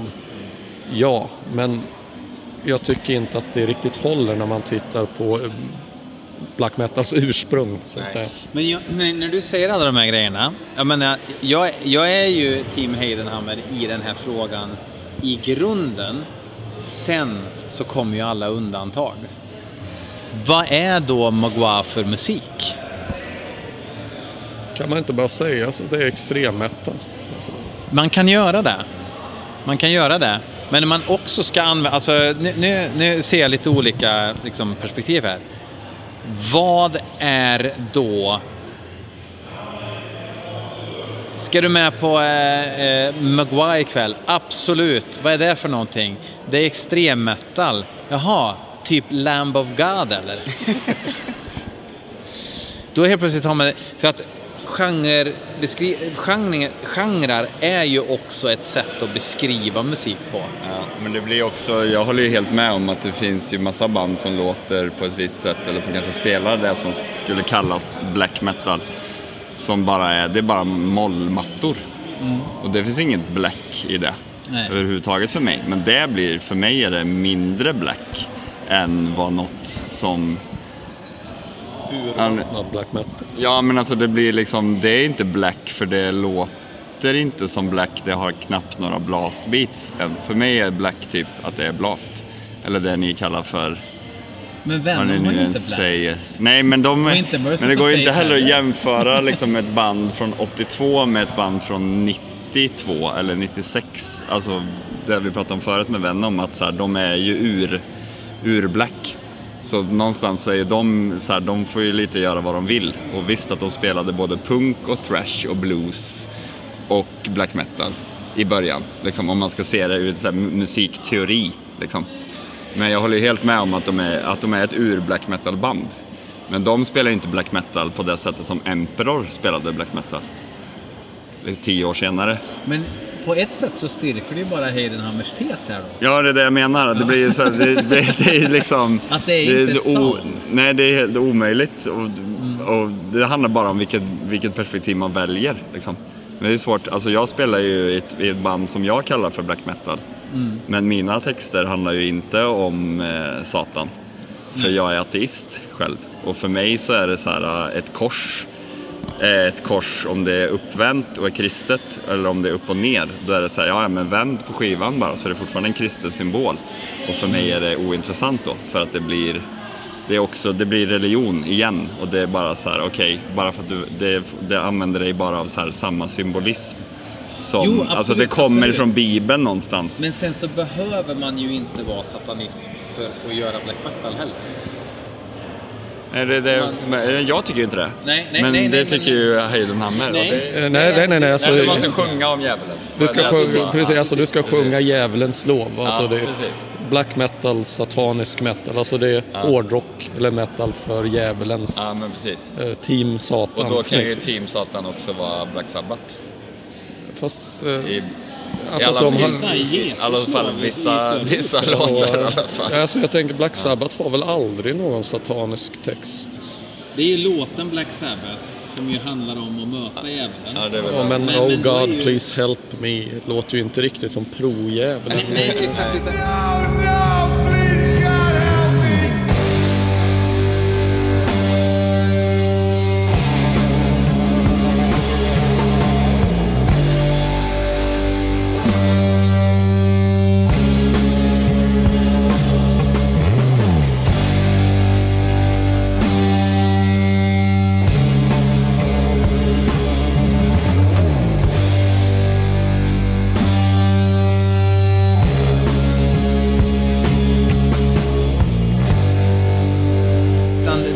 Djävulen ett hot i Black Sabbath.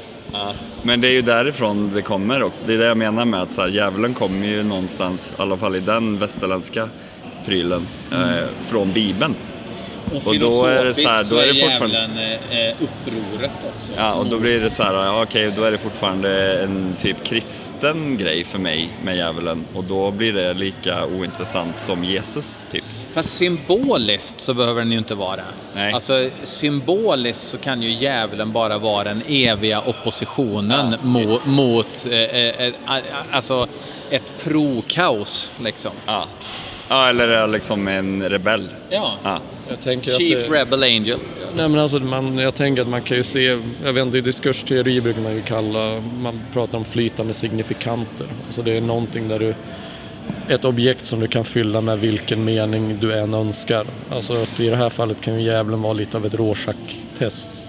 Det kan ju liksom rymma alla politiska åskådningar från vänster till höger. Alltså du kan ju vara en pro, eh, pro-djävulen anarkist som Mikhail Bakunin och du kan ju också vara någon slags eh, teologisk fascist eller någonting som Order of Nine Angles. Uh, inget av det här är ju egentligen fel därför att vara djävul, alltså svårt att säga vad djävulen symboliserar därför att det kan vara ganska mycket olika. Precis som med kristendom, att jag menar du har vänsterkristna, du har högerkristna, ekologiskt kristna eller hum, humanistiska sådana.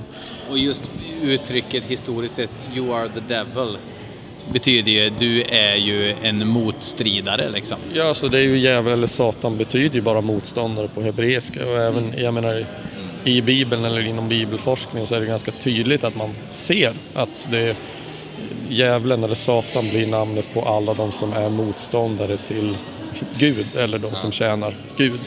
Så att till och med inte ens där finns det någon färdig definition, alltså en beskrivning av vad djävulen är.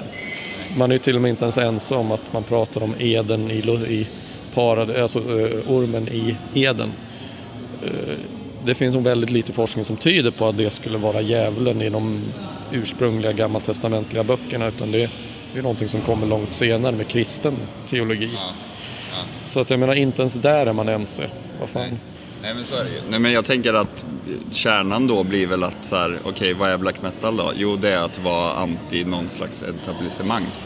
Oavsett om det är ett religiöst eller ett samhälleligt och om vi då ska prata om, om mögla som jag kallar dem. Eller liksom den dialogen vi hade när vi snackade sist om det här liksom med att så här, folk som pratar om till exempel svederna då att så här, ni är inte black metal för ni sjunger inte om Satan. Och för mig handlar det om att vara rebell emot en liksom vedertagen eh, norm.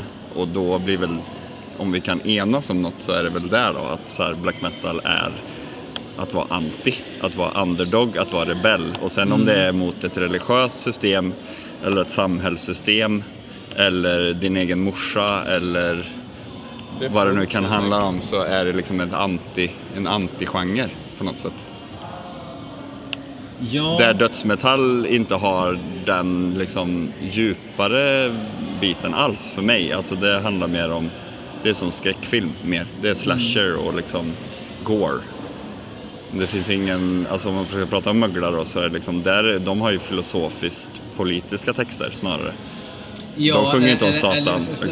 Nästan antipolitiska texter. Ja, men precis. Vilket Ja, blir ja. politiska texter Ja. också. Alltså det, det, det handlar ju väldigt mycket skulle jag säga om eh, eh, antikonformism. Liksom. Att eh, människor i grupp eh, brukar inte sluta Bete sig dumt. Ja, ja. ja, men att, att Mm. och, och även en sorts nihilism och, och eh, att det handlar inte bara att man kritiserar det inte utan man, man bajsar på det Mm. snarare. Liksom.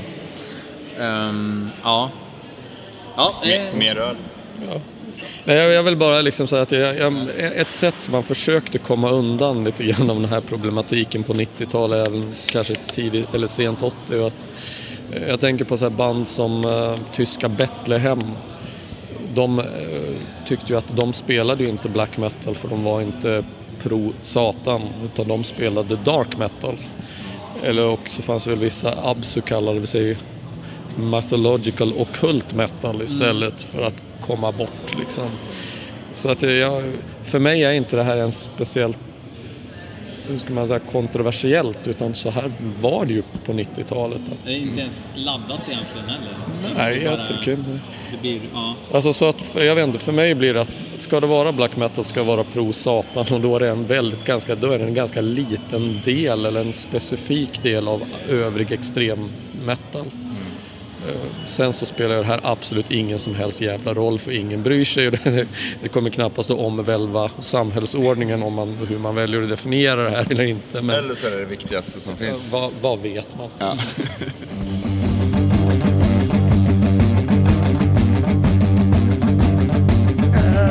People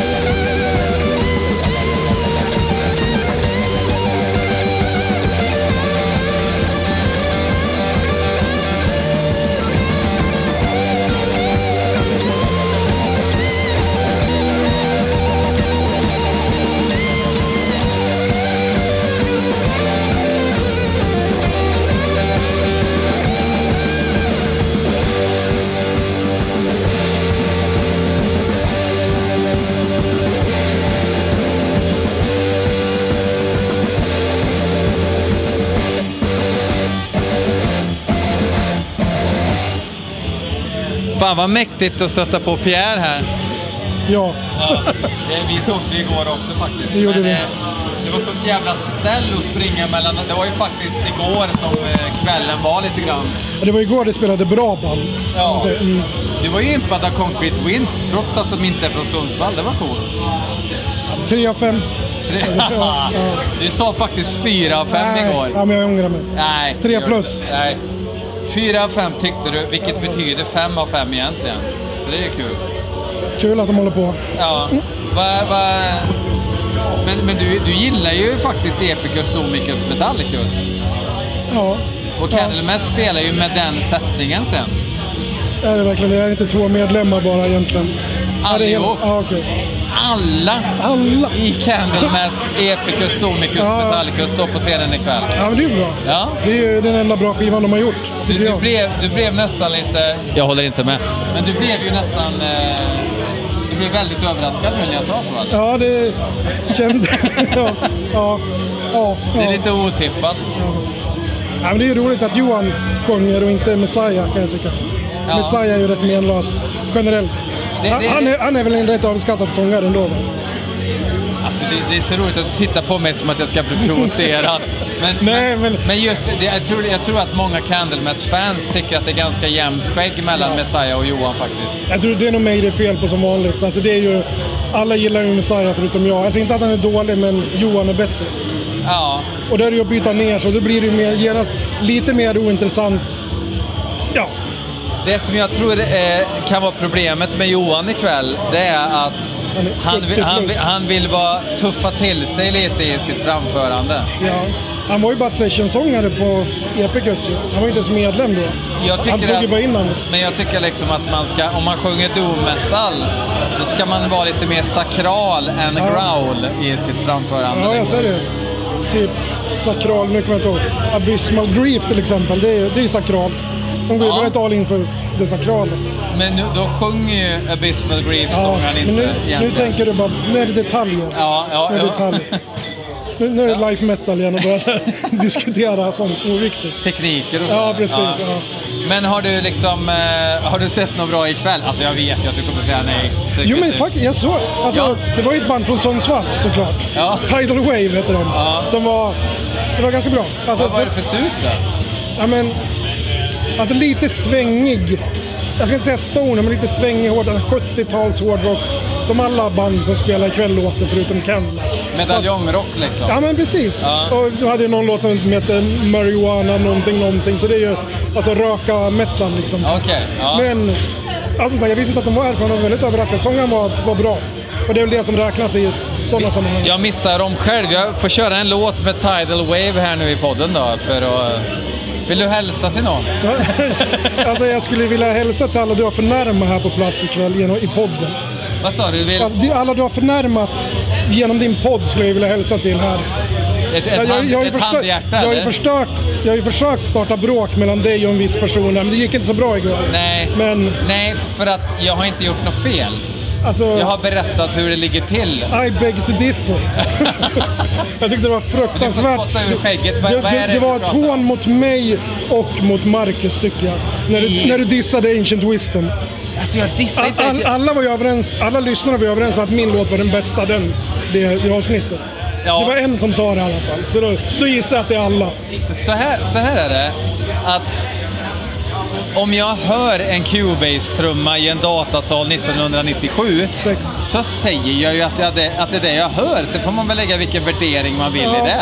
Men du höll på life metal och sa att den inte var masterad och sådär. Det, är- det är jävligt life metal med mastering kan jag tycka. Det är jävligt eh, legio att mastra sin skiva innan man släpper. Snälla nån. Nej, jag är inte riktigt med på det här. Nej, ja. Nej, men jag, jag har ett till bråk jag också ska försöka starta ikväll. Som Ja, är inblandad det, det. Ska vi se. Jag gissar att det blir samma utfall, men jag, jag har ett på lur som jag också tänker försöka få in. Problemet är att jag är för likable. Ja, Ja. ja. Det är det som är det värsta. Jag måste vara lite mer eh, obehaglig tror jag. Lite mer så här aspig black metal-blick. Ja. Jag var lite argare. Du skrattar inte bort i podden när du ändå... Det är det. Du är lite för charmig för att du ska bli bråk. Det- Men alla har vi våra kors att bära. Ja, men Dit är jag vara glad liksom. Fast mitt är upp och nervänt i alla fall. Ja, ja, det, det är alltid något. Ja. Ja, men... Det, det, eh, det är inget kors som brinner eller något sånt där då? Det är inte den du kör? Okej. Nej, okej. Ja, men eh, vi, vi, vi strövar vidare här på festivalen och sprider glädje ihop tror jag. Ja, let, leta bråk.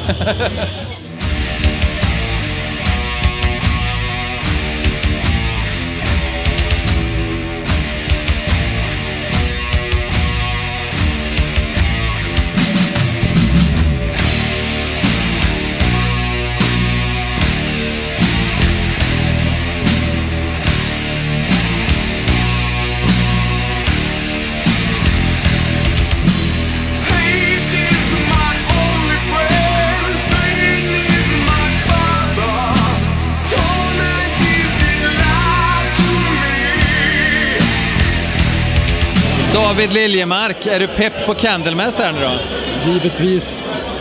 Vad vad vad har du för relation till bandet? Det var en ganska lång fråga egentligen för en så här eh, sent på när fan ska den gå på? Du, du får koka ner det till eh, 18 Ja, vad sekunder. fan, det var väl genom Rockbox man eh, de eh, dök upp den klassiska gången liksom. Vad Men tror- eh, jag har alltid varit team Johan Längqvist. Ja. Så att, eh, när han är tillbaka så tyckte jag att världen blev, trots all skit i världen, var det något som vred sig lätt. Det är lite intressant för att det är ju verkligen eh, originalsättningen utan att de basunerar ut det. Ja, det gjorde de väl eh, när, när det var aktuellt. Ja, precis. Men eh, nu har det gått några år och de Ja, going bara- ja, Nu är det självklart. Det är underbart. Så då var jävligt angelägen. Jag såg ju den här Ghost-förbandsspelningen bara för att få se. så, jag såg också den i Globen. Det var jävligt bra var det. De var jävligt bra. Ghost var väl lite kul att studera fenomenet men jag aldrig liksom riktigt klaffat. Men jag har lite dåligt samvete för att jag tror att han, Forge, är ett gammalt eh, Python-fan. Omega Python. Jag inbillar mig det om han är gammal Du, det, det är jag tusen procent säker Jag på. tror att jag har identifierat hans Tradera-alias. Och jag det är ju rätt fint ändå att se någon som fyller jävla Globen att det är en gammal Megapython och Python-läsare. Så um, jag ville gilla det och jag gillar bitar men um, det var Canada som jag kom dit för. Och jag menar det här på Södra Teatern var ju så svinbra för ett år sedan alltså. De körde Nightfall då va? Ja, just det. Och första. också. Men det, Körde de Epicus stod- också då? Ja, ja. Två set var det då? Jajamän. Åh jävlar. Och sen var det ju lite blandat efteråt också. Så att, nej, det var ju hoppas de släpper det för att filmades väl och sådär vill jag minnas. Men vet du om det är Edling? Spelar han ikväll tror du? Ja, han har åtminstone suttit där och signerat eh, Green Valley-liven. Har han gjort det nu, idag? Nej, alltså mitt ex, jag har haft honom i foajén här. Eh, Och de andra. Olika tillfällen här. Ja, ja, ja, ja, ja. ja nej, men för han har ju varit lite så här off and on beroende på hälsan och sådär. Så att, Jo, just eh, det. Nej, men då var det... Vänta, hur fan... Jo, men jag tror det var han i Globen. Jo, det Jo, var i Globen var det han. Det missade han inte, vet du. Det var ju det enda gången de har spelat på Globen och, och han just sa ju det. det liksom att det är så typiskt att då är man förband. Alltså, ja, men han har varit... Ja, det är liksom, jag är ju sen och ser dem liksom. Men Nordfest-grejen var ju Venom Inc. Ja, jo. Det, Största utropstecknet utan... det undgick ingen igår kan jag säga att det var Venom Inc. Ja, du kalasar ju. Du, Alltså grejen med det var ju att det är lite varning på det här och äntligen har fått se Mantas efter, vad blir det nu, 37 års lyssnande och Tony Dolan efter 36 års lyssnande på Ja. atomkraft och sådär. Att det blir jungfrusil-grejen, att nu vill man ju verkligen se dem igen. Men jag, jag känner så här, det är lite synd att de inte körde en enda Tony Dolan-era-låt ändå. Nej, det här var ju ett nostalgiupplägg. Ja. Jag hade ju sett fram emot Husqvarna och få liksom en vanlig blandad set liksom med massa nya och blandat och hejvilt. Ja. Den här nya är ju skitbra alltså. Man fnyser ju inte åt ett metal-set däremot. Jävligt inspirerat. Hoppas det blir någon sån här... eh, Ja, om de kan få hit eh, till Nordfest när de firar ett War with Satan om det går att få in. Nej, då vet jag inte. Då får man ju fan ta bitkulor och läderremmar för att liksom försöka lugna sig. Ja, nej, men det blir mäktigt. Nu ska vi snart se Candlemass här. Får, får se hur det blir. Men eh, det, det lär ju inte bli dåligt. Det har jag jävligt svårt att tänka mig. Det är sån här musik som är enkel, alltså som, som det är svårt att bli avdankad i. För det, det är liksom, det är ju långsam musik. Det, det är väl eh, risken då för det här. Eh, även Tony Iommi hade väl liksom inte riktigt samma fingertoppskänsla på riffskapandet på senare släpp, eller? Nej. Nu menar jag de väldigt nya. Ja. Fast den där körgrejen han gjorde var en jävla fin. Vilken då? Bättre än hela 13-plattan. Vi- vilken då? Eh, han gjorde ju någon grej för någon så här lokal Birmingham kyrkokör eller vad det var. Den var ju skitfin Den har jag fan inte ens hört. Söka upp det där. För det var just den här experimentella sidan liksom av Sabbath som man saknar som fan på den där Sugan 13. Den här Rick Jag tror, jag tror att, ja precis. Eh, det skulle inte varit Rick Rubin. Verkligen inte. Det var det största. Och sen Rage Against the Machine-trummisen är ju helt off Tommy där. Klumpfot. Nej, det är inte så kul nu. Men, eh, och, och så det här liksom, ah, ni ska låta som en fyra första. Vad är det för jävla idioter? Så här, Amerikaner, vad fan. Ska vi snälla låta som de fyra sen? I synnerhet när vi säger guy och Sabotage. Ja, sabotage är jag med på. Never Say Die. Never Say Die är jättebra. Från början till Ah. slutet. Till och med saxofon. Den, den, är, den är inte dålig. Den är Så långt fantastisk. sträcker jag mig. Den, fantastiskt sträcker jag mig inte till. Ja, jo, jo. En favorit. Sabotage är snäppet bättre, det får man ju erkänna. Ja, ja, men nu är vi pepp på Candlemass i alla Ja. fall. Eh, ja. Får se om vi växlar några ord sen när uh, diset har lagt sig. Jag tror jag ska springa och försöka lägga mig så fort som möjligt. Jag har fått signerat, jag hade med att det var bara en skiva efter den här bet av lite mer på meet and greet. Men, eh, Hade, hade Candlemass meet and greet idag alltså? nej, alltså då för några, några år sedan. Då. Ja, ja, ja, ja, ja, ja, ja. Det var ju jättetrevligt. Ja, den i Lovebomba det var Johan Lundqvist. det var ju innan Globenspelningen. Ja. Ja. ja, där var jag också faktiskt. Ja, mäktigt.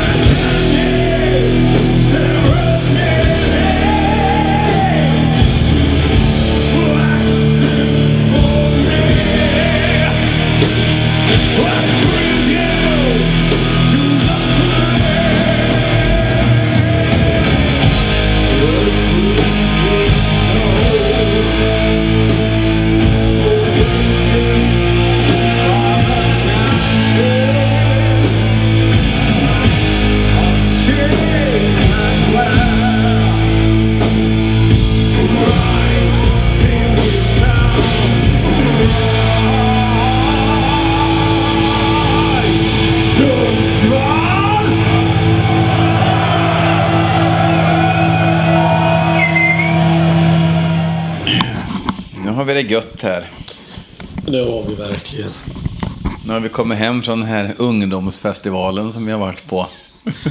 Det var ju inte en människa under 35 där. Nej, nu när du säger det. Det här är inte kidsens musik längre. Nej, det här, är, det här är en kultur som är på väg att dö ut. Och tur är väl det kanske, jag vet inte. Men... ehm, ja, som jag sagt en miljard gånger, ingenting är kul i längre än 30 minuter. Men jag hade väldigt kul genom den här Candlemass-spelningen. Eh, det som jag reagerar på, dels att de har valt med flit att spela låtarna så sakta de kan, fast av rätt anledning. Inte för att de är trötta. Det kräver ju, man bränner ju inte speciellt mycket fler kalorier om man kör 4 bpm snabbare än vad man gör här. Ehm, så det har ju inte med gubbighet att göra, utan det har att göra med att vi är fan ett doom metal-band liksom. Motherfucking punkt. Fast med några märkliga speed metal-liknande grejer insprängda. Ja. Exakt.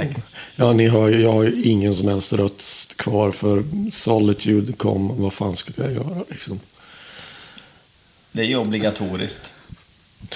Men, äh, men första reaktionen, äh, ögonbrynshöjaren för min del är att de inte kör At Gallows End och det förstår jag inte riktigt varför. Nej. Det, det är ju, de, kör, de öppnar ju med två Nightfall-låtar. Well of Souls och... Sa- eh, Samaritan kör de ju också. ja, men första duon var ju Bewitched. Ja, ja, Ehm, sant, ja. Sen körde de Samaritan senare. Eh, The Veils of Death körde de. Inte en Nightfall-låt, men ändå. Och så Mirror Mirror. Mirror Mirror, ja. Och sen så körde de väl alla Epicus, Domicus, Metallicus låtar utom Blackstone eh, Wilder. Wilder. ja. Eh, det var den enda de inte körde från den.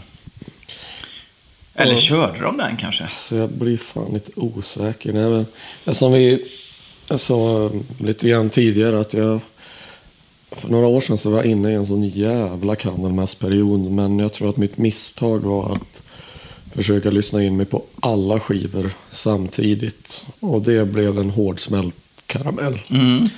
Mycket att tugga på. De, de har ju, alltså det som är lite lustigt är att de har ju gått i Black Sabbaths fotspår på många sätt. Dels att bandet finns, det hade ju inte funnits utan Black Sabbath liksom. Nej, nej. Eh, samtidigt som, som, som jag sa förut i bilen, att de låter ju inte som Black Sabbath. De har tydliga släktskap. Men de eh, fin... Alltså de kristalliserade ju någon sorts doom-metall liksom. Nej, men jag tänker, man kan väl, det är ju en utveckling på det vis det ska vara. Ja, alltså de har ju inget blues, Candlemass. Det kanske är det det sitter i. Jag tror fan det. Fast ja, det är klart, det beror på hur man... Jag fattar hur du menar, för i Black Sabbath så hör man jättemycket. Och varenda blues sångmelodi, om man bortser ifrån senare eror, men alltså Ozzy-eran, det är ju... No, no, no, no, no, no, no, no, no, no, no, no. Det stämmer. Varenda sångmelodi, fast inte gnäll en negg, utan men det bara är så att han sjunger pentaskalan-melodier och det är ju helt guld att han gör det. Det är få som klarar det utan att bli stoner rack. Eh, Ossi och Iommi i, i, i par liksom lyckades ju eh, göra fantastiska melodier med de få tonerna vi har att jobba med. Liksom. Men sen så gjorde ju även Candlemass en... De har ju också bytt kostym många gånger. Det får man ju verkligen säga. Eh, och jag vågar ju drifta som, på, som att säga så pass mycket att Candlemass har väl mig veterligen aldrig släppt en skiva att skämmas för. Nej, Eh, förutom Sigge Fyrsteken. Det där var väl onödigt. kommer jag drog in den i det här. För övrigt den enda Candlemass-skiva jag inte har, men jävlar vad jag vill ha den. Eh, men, eh, nej. Skulle du säga, finns det något lågvattenmärke hos Candlemass? Eller vilken tycker du minst om?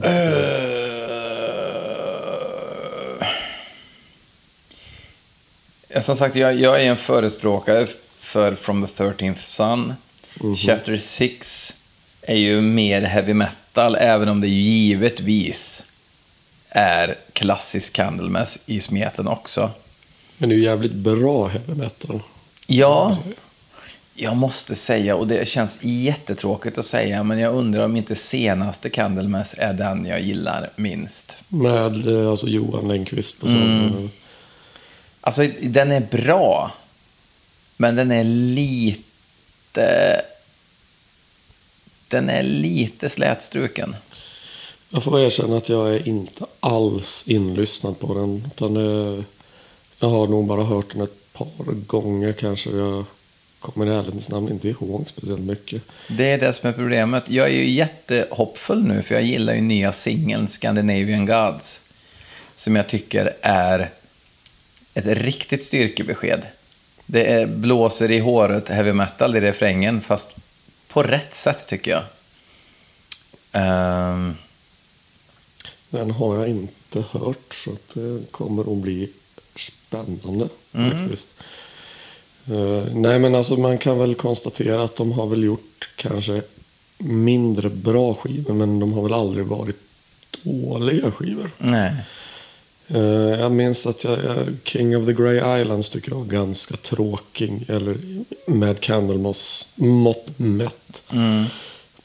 Men det är ju ingen dålig skiva. Ja, jag, jag, jag, jag gillar den faktiskt. Ja, så pass. Ehm, men då var det också att då hade jag aldrig sett hur Rob Lowe såg ut. Det var hans första skiva som han sjöng på. Och jag kommer ihåg att första gången jag hörde låtar från den var på P3 Rock.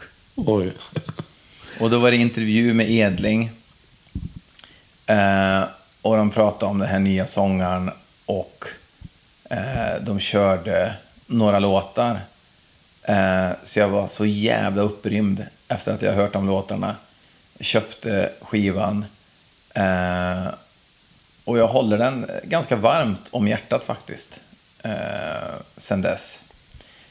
Och som vi också pratade om förut, att Rob Lowe var ju en katastrof på scenen.